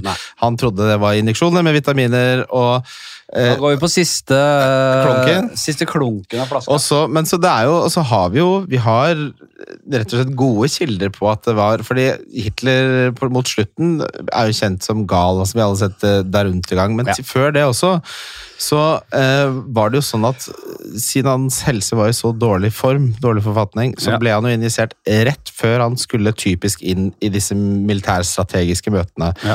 Og du kan da tenke deg en Hitler som er da har gått på kokain og, og opiater i så og så mange år, og som nettopp har fått en fersk dose med dette rett før. Mm. Så generalene hans prøvde jo titt og stadig å, øh, å, å overbevise om at hei, disse planene her henger ikke på greip. Nei. Men en eh, kokainproppa full Hitler som kommer inn i rommet der, klarte å overbevise det gang på gang. Til og med om at altså, skvadroner som ikke eksisterte, klarte han å snakke om. ikke sant? Så vi må se på en måte Hitlers eh, på en måte downfall litt i sammenheng med at altså, disse rusen var løsningen på problemene til Hitler i mange år. Og her, bare så for å bryte inn litt, Christian. Her hadde vi ikke, her hadde vi ikke muligheter, her hadde vi ikke sånn moderne teknologi. Her kunne ikke Hitler vise til på en måte eh, digitale Google Maps. Google Maps, og her har vi den troppen, og her har vi den troppen. Her snakker vi om der fuckings Her var det fyrer. Her har vi der fyrer. Det, Ja. det var ikke en svak ressurs Nei, i det teamet der. Altså, der, der fyrer sa at her finnes det en tropp, men det ingen andre visste, at der fyrer var high as a motherfucker. Han var eh, totalt ute å kjøre. Ja, og, det, Eh, og, og, dette, og dette, men det, det var selvfølgelig det, det skjedde jo ikke over natta. ikke sant? Nei, nei, men, men også og Kan vi, kan vi snakke om én ting eh, som jeg har hørt? Altså, en av de få tingene når det kommer til Hitler og rus som jeg har hørt, og som jeg tror mange har hørt, er at han hadde en, eh, en session, en, eh, en eh, liten runde med eh, Mussolini. det, det stemmer. Ja, det er, der han det satt i historie. fem timer og dundra på, da Mussolini ikke fikk sagt en dritt fordi Hitler var så rusa som en jævel. Det, det, er en, eh, det er helt riktig, og det er jo eh, et eksempel på dette at eh, Hit, altså Hitler var da så dårlig forfatning før dette møtet med Mussolini, og dette var rett etter dette attentatet, så det var snakk om at det skulle bli utsatt. Ja. Eh, og Hitler Og, før, før du sier det Det attentatet ja, ja, ja, det attentatet Ja. Det var jo da Nå snakker vi slutten av krigen. Ja, ja. Det var et eh, rett og slett et voldsomt bombeangrep inne på et møterom. Ja. Det er the war room. Nazienes war room. the war room, liksom. Hitler kom uskadet, eller relativt uskadet fra det. Mange andre i det rommet Offiserer døde. døde og totalt eh, ødelagte. Ja. Eh, rett etter dette attentatet, ganske kort tid etter, så møtte Hitler Mussolini. Mussolini kom til Tyskland, eller eh, om det var Østerrike, eller det, ja, eh, eh, til liksom tysk territorium, Og Hitler sa da til Mussolini dette er beviset på at jeg er udødelig. Ja.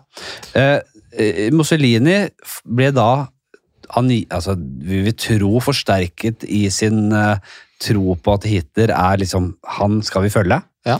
Eh, og ikke lenge etter dette så ble Mussolini hengt på torget. Ja. Og, men det, har, man har mange eksempler på det at eh, du, folk så Hitler som kunne fremstå, som du sa. Vi var, han var vel på dette er en mann som er nær døden, og to minutter senere så eh, ser han ut som eh, en yes... Nei, oh Ja, ja, nei, men, altså, Men altså, altså, en, som, Messias, en som kan ta over verden, da. Han har jo hele karrieren, hele sin liksom, store karriere, vært en Messias. Det kan vi jo vi kan ikke late som noe annet. Han er er en form for Messias, Det er det eneste han er. en, den det er Det er det som gjør ham han så interessant, og det er derfor vi gang på gang drar fram den jævelen her. Fordi det er så sjukt, den kultstatusen han fikk. Men for å ta den der samtalen mellom Mussolini og Hitler, da. Der han liksom Se for deg en coke-fjern Hitler snakket der fem timer. da. Ja, ja. Er du lei? Ich bin einen Vi måssen Vi, vi, vi, vi must einen gangen gehen, På, på time tre der så er det sånn Nå, Ja. nå er Titanic ferdig her. Nei, så, så, og her har du en Mussolini som i utgangspunktet er veldig underdanig, eller ganske underdanig Hitler, så vidt jeg har skjønt det. Fordi, i hvert fall på denne tiden, i starten så er det jo relativt likesinnede i ideologi og i politisk eh, kapital. Etter hvert så har jo Hitler hele verden for sine føtter. Og likte ikke som. Mussolini så godt heller. Nei, jeg likte egentlig aldri ja. Mussolini så godt. Jeg likte egentlig aldri noen. Han var jo venn med Stalin, men egentlig så ville han alltid knekke Han ville Stalin. fucke alle. Ville fucke alle. Så her, altså i den derre Før denne liksom Før attentatet og alt, så hadde jo disse, de gutta en samtale i eh, Fra liksom to til syv timer, eller noe sånt. Mm. Ja, fem timer er det, det er kildene mine sier. Hva er det du har eh, på det? Den, den, det- hva, hva, hva var det for noe? Nei, altså Mussolini de hadde, jo, de hadde jo flere møter, og nå har jeg ikke Altså, Han ble jo installert som på en måte puppet-leaderen eh, eh, i, i Italia i 1943, så dette var jo på slutten av Hitlers ruskarriere. karriere. Og det er jo to eh, eksempler. Det ene var etter det attentatet, eh, hvor han skulle møte Mussolini, og alle forventet at det ble avlyst, og Hitler dukket opp. Altså, Det var som et nachspiel på Solli plass, da. ikke sant? Bare med at det var Hitler i fem timer. Ja. Og, og um, utfordringen på en måte med Hitler var jo at det han sa i etterkant, var at han øh, i og med at han holdt audiens for Mussolini så lenge, kunne gi han inntrykk av at han likte han. Mm. Og det var jo bare medisinene. Og fordi det er andre som kan kjenne seg igjen i det at de snakker med folk de helst ikke vil snakke med på nachspiel. Mm. Fordi de hadde var under innflytelse. ja, ja, ikke sant? Men du kan tenke deg det at det, her har du en Hitler da, som eh, med, i samarbeid med legen Ja. Fordi han, han, det er ikke sånn at han ikke eh, at han- var veldig skjør og svak når han ikke var på medisiner. Jo. jo, jo, Jo, jo, jo, på en måte, jo, på en måte. Men han, eh, han skjønte at det, for å oppnå sitt fulle potensial trengte han de medisinene. Da kan han være han. Ja, og det, Sånn jeg og det, og det, og det lykkes han jo med, og Ja. det er derfor Ja. hans nærmeste var denne legen. Og han, la meg si det, da. Ja. Denne legen var hans nærmeste fram Ja. til han fikk sparken i bunkeren hvor Hitler skjøt seg selv. Nettopp. Og, og, og, det, det, er så, det er så mye vi gjerne skulle snakket om her, da. Men du har eh, dette møtet med Mussolini. Selvfølgelig. eh, eh, styrkeforholdet er jo skjevt i utgangspunktet, men her snakker vi om en Hitler proppfull av dop, Ja. som sitter og rett og slett totaloverkjører Mussolini. Han kjører taler som er så eh, intens, intense og ville at du kan ikke tro det. Eh, og, og, og kontrasten sånn eh, Hvis vi skal tro på kildene vi legger fram her nå, da, som jeg mener er ganske plausible, så satt Hitler i dyp rus. Etter han var ferdig med dette møtet, så vil jeg tro at han gikk ganske kjelleren fordi han var ganske utladet. Han hadde fått unna alt han ville, men ikke på riktige premisset, på en måte. Han var syk. Ja, han var kjempesyk, Mm. og, og det som jo skjedde mot slutten, var jo at Berlin var jo rett og slett gjennombomba Eh, og, Og, og, og angrep fra begge sider. Fra Ja, men altså, alle, det- alle sider. du- du Mussolini var død på dette Ja, ja, men altså, Berlin på slutten så var altså, det, Hitler Det var ikke mulig å få tak. Så han var jo dypt, dypt opiatavhengig. Ja. Og dypt avhengig av, av kokain, og injiserte dette her. Du må huske Ja, det, det, går- den kombinasjonen det er, det er veldig mange som dør av det på første forsøk. Sånn, det er noe av det farligste du kan gjøre. Så han er jo da i en situasjon hvor eh, hans eh, irrasjonelle tankesett eh, fører til at han tar mer og mer, eh, og det går verre og verre. Bare for å lage en parallell sånn kjapt, da. De som eh, skal venne seg av disse stoffene eh, i vår, våre tider, de ligger ofte To år. på et madrass eh, og svetter seg i hjel, og de har eh, Hvis du gjør det medisin, så er du på et sted i to år. ja, ja, og du har andre liksom, lignende medikamenter som liksom, skal døyve liksom, smertene. Det, det, det er det vanskeligste du kan gjøre. da. Ja. Så Hitler går fra, da, sånn jeg forstår det, fra å ha full tilgang til det beste av det beste, eh, som får han til å fungere, Mm. Til å ikke få dette lenger. Ja, det er ikke, Berlin er så bomba at eh, tilgangen på disse tingene er Er ikke-eksisterende. det litt sånn kritikk eh, til filmen Der Untergang der? At de ikke gjorde Ja. tydeligere poeng av det? Uh, altså, Jeg har aldri sjansen til å kritisere 'Der Untergang gå fra meg. Såpass godt kjenner du meg, Henrik. Ja. Uh, men uh, det er jo litt sånn Det som er med den tematikken her, da, er jo at mange vil kritisere eh, boken Blitz for å på en måte nesten unnskylde litt det tyske folk med at siden de tok disse tingene, Ja. så unnskylder det handlingene, eller siden Hitler gikk på disse tingene, så unnskylder det handlingene. Og det er jeg helt enig i. Det er, og, men la meg, Ja. forfatteren si han bare prøver å forklare Ja. eh, korrelasjonen mellom irrasjonell, eh, irrasjonelle handlinger og, og eh, hva, hva slags medikamenter han, han gikk på. Eh, men det, altså, det er jo nesten litt sånn eh, en film, det også, at i sine siste øyeblikk så sender altså da eh, legen til, til Hitler to, eh, to helpers på motorsykler ut i ruinene i Berlin for å se om de klarer å finne eh, dopet til Hitler i ruinene av et apotek. Ja. Og, ikke, og da de ikke klarte det, så sparket han, og så sa han eh, Da sa Hitler for første gang du har gjort meg avhengig av opiater. Ja. Så han hadde fornektet det fram til da. Og så vet vi jo fra flere kilder at det, de aller siste dagene eller månedene eller ukene i, i denne bunkersen som har blitt så ikonisk, så eh, hadde vi jo en Det er desillusjonert Bergheim er Hitler. nå, forresten. Bare til info. Det er der Bergein er nå? Er det det? Ja, Bunkeren Hitler? Ah, Nei, jeg bare kødda. Sorry. Nei, fordi vi har jo hatt en egen spalte her. Jeg, Jeg, eh, P-man. Jeg fikk jeg prøvde en som, en som har gitt meg sånn jevnlige rapporter om P-man fra Bergen, en uh, lytter. Hvem er, er, det, er det han, Han som ligger, han som ligger i Nei, han, han er nede i pissoaret Åh, på Bergen. jeg hadde en hånd som kom inn fra sida mens jeg tissa en gang. Ja, sikkert P-man. Ja, det vil jeg tro. Jeg ville jo ha han ene. Han er, han er musiker og han driver, er mye på Bergen. Om han har gehør? fast, fast lytter. Og så vil jeg ha han inn i livepoden som en sånn der utenrikskorrespondent. Og er P-man der nå? Men så sa han at jeg tør ikke. Jeg orker ikke. Jeg er, Apropos det, jeg jeg, er ikke, jeg er ikke den type Du må fikse meg billett til Fladseth, forresten. Bare sier det nå. Ja, jeg kan gjøre det. Hvis du, skal vi ta en liten sånn Hitler-runde? Ja, la oss- for å- la oss kjøre. For å få det på. Jo, eh, det skal jeg si. Eh, Vi har jo en Hitler, bare for å avslutte også. Vi har en Hitler. Hvor er vi nå? Vi er på ja, vi har holdt på en stund. Eh, Vi kommer ikke til å ta rekorden, for den er på nesten to Vi kunne gjort det, Henrik. Sven uh, Biskår Sund er på rekorden. vet du. Nydelig mann. Vi kommer ikke til å få komme opp i det. Men uh, vi har jo en Hitler som man tenker uh, egentlig bare var gal. Eh, og desillusjonert, men med disse kildene vi har liksom Nå må vi si at det, dette her er en bok, og det er noen eh, det er, det er noen motstridende argumenter også, så man kan ikke ta kjø, så svelge dette rått nødvendigvis. Man må alltid gå ut der og lete etter kilder. Men hvis dette er en faktor, da.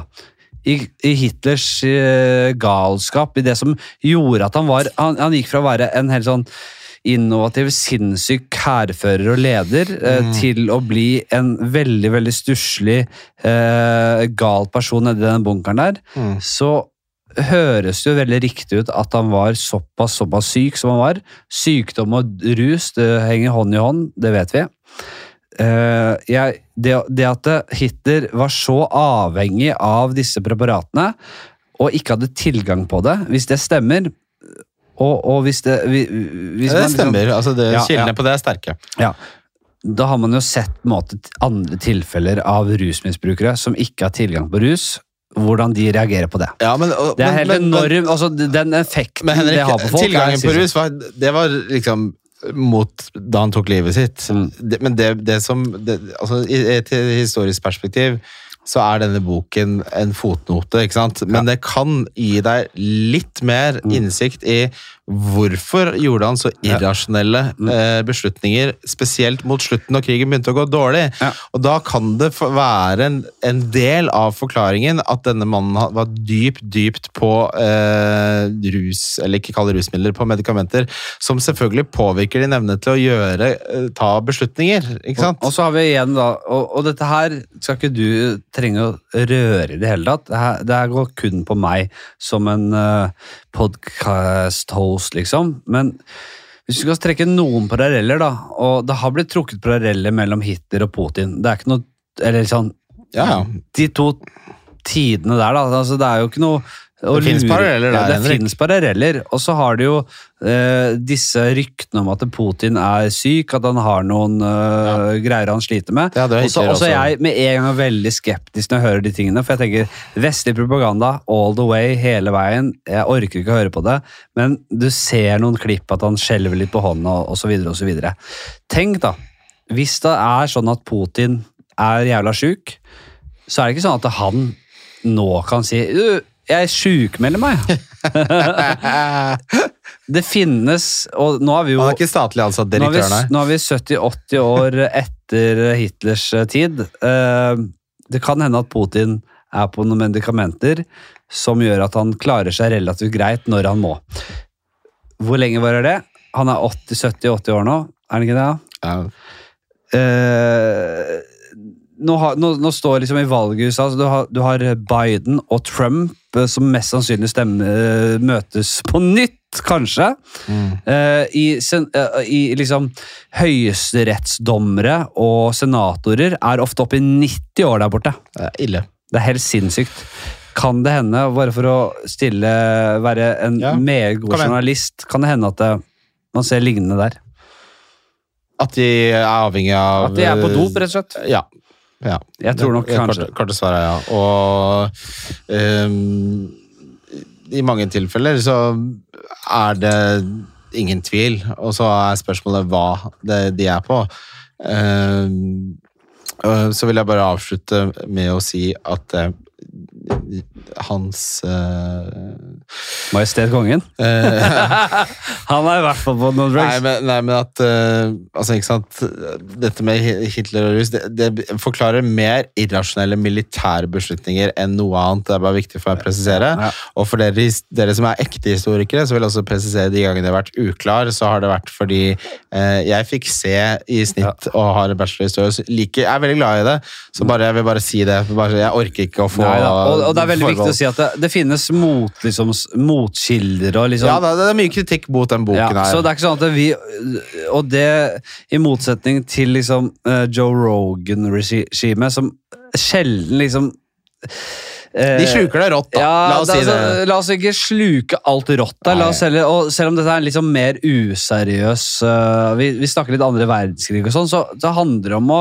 oppsøke motekilder uh, altså, i- og, og si ok, det, hvilke stemmer snakker imot denne boka Ja, her? og, og Fordelen her er jo at vi kildene her er såpass gode at det her handler ikke så veldig mye om synsing. Og så kan man på en måte ilegge på en måte, Kritikken her er jo eh, påvirket egentlig beslutningene så mye. Og det har jo vi ingen eh, Vi har ingen bakgrunn til å kunne si noe om det. Nei. Vi kan beskrive det som ble sagt av vitner, vi, kan vi kan beskrive det som ble skrevet i journalen. Vi kan se på tidslinjen, selv om jeg gjorde en dårlig jobb med å beskrive den eh, korrelert. Det for hver grenser for hva jeg får til på et døgn. Men visse ting er sanne. Sannheten er at Hitler var avhengig av sterke opiater. Han var avhengig av sterke kokaininjeksjoner. Vi har flere eksempler på at han dukket dukke opp på møter nyinjisert. Mm. Dette vet vi. Ja. Dette er kilder som ikke bare er, som er verifiserte. Så får man tolke det litt sånn som man vil, men at det er en god kobling mellom rus og beslutningene til Hitler. Det er en god kobling mellom naziregimet og rusbruk, og rusen i det sivile samfunnet i Tyskland, og hvordan de så på produktivitet og effektivitet. Det finnes det ingen tvil om. Og så tror jeg også vi i fremtidige episoder eh, Nå skjønner vi jo hvilken retning Fladseth-podkasten går. Vi skal jo Vi kan snakke om Napoleon neste vi vi skal nå dypt inn i disse tingene her, og jeg tror neste faglige påfyll blir eh, vikingtid og rus. ja, Og det er gøy! er det ikke det gøy? Ja, det er kjempegøy. Ja, jeg vet. Jeg var inne på det med Mestad, men dere Hei til deg hjemme igjen. Vi snakkes. Det var hyggelig at dere hørte på. Kristian, Christian har bare bachelor. Har bare sånn. Og det, jeg syns du leverte faen meg jern til bare han bachelor. Altså. Ja, jeg gleda meg til denne episoden, Henrik. Det syns jeg var dødsgøy. Ja, det var kjempemoro. Takk for at du kom, Christian. Ja, og takk til deg der hjemme. Vi snakkes. Hei!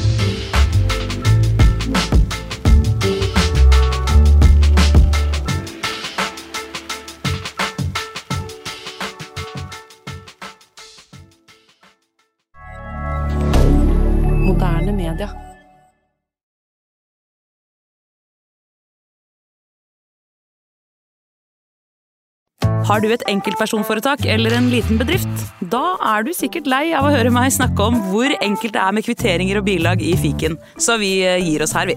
Fordi vi liker enkelt. Fiken superenkelt regnskap.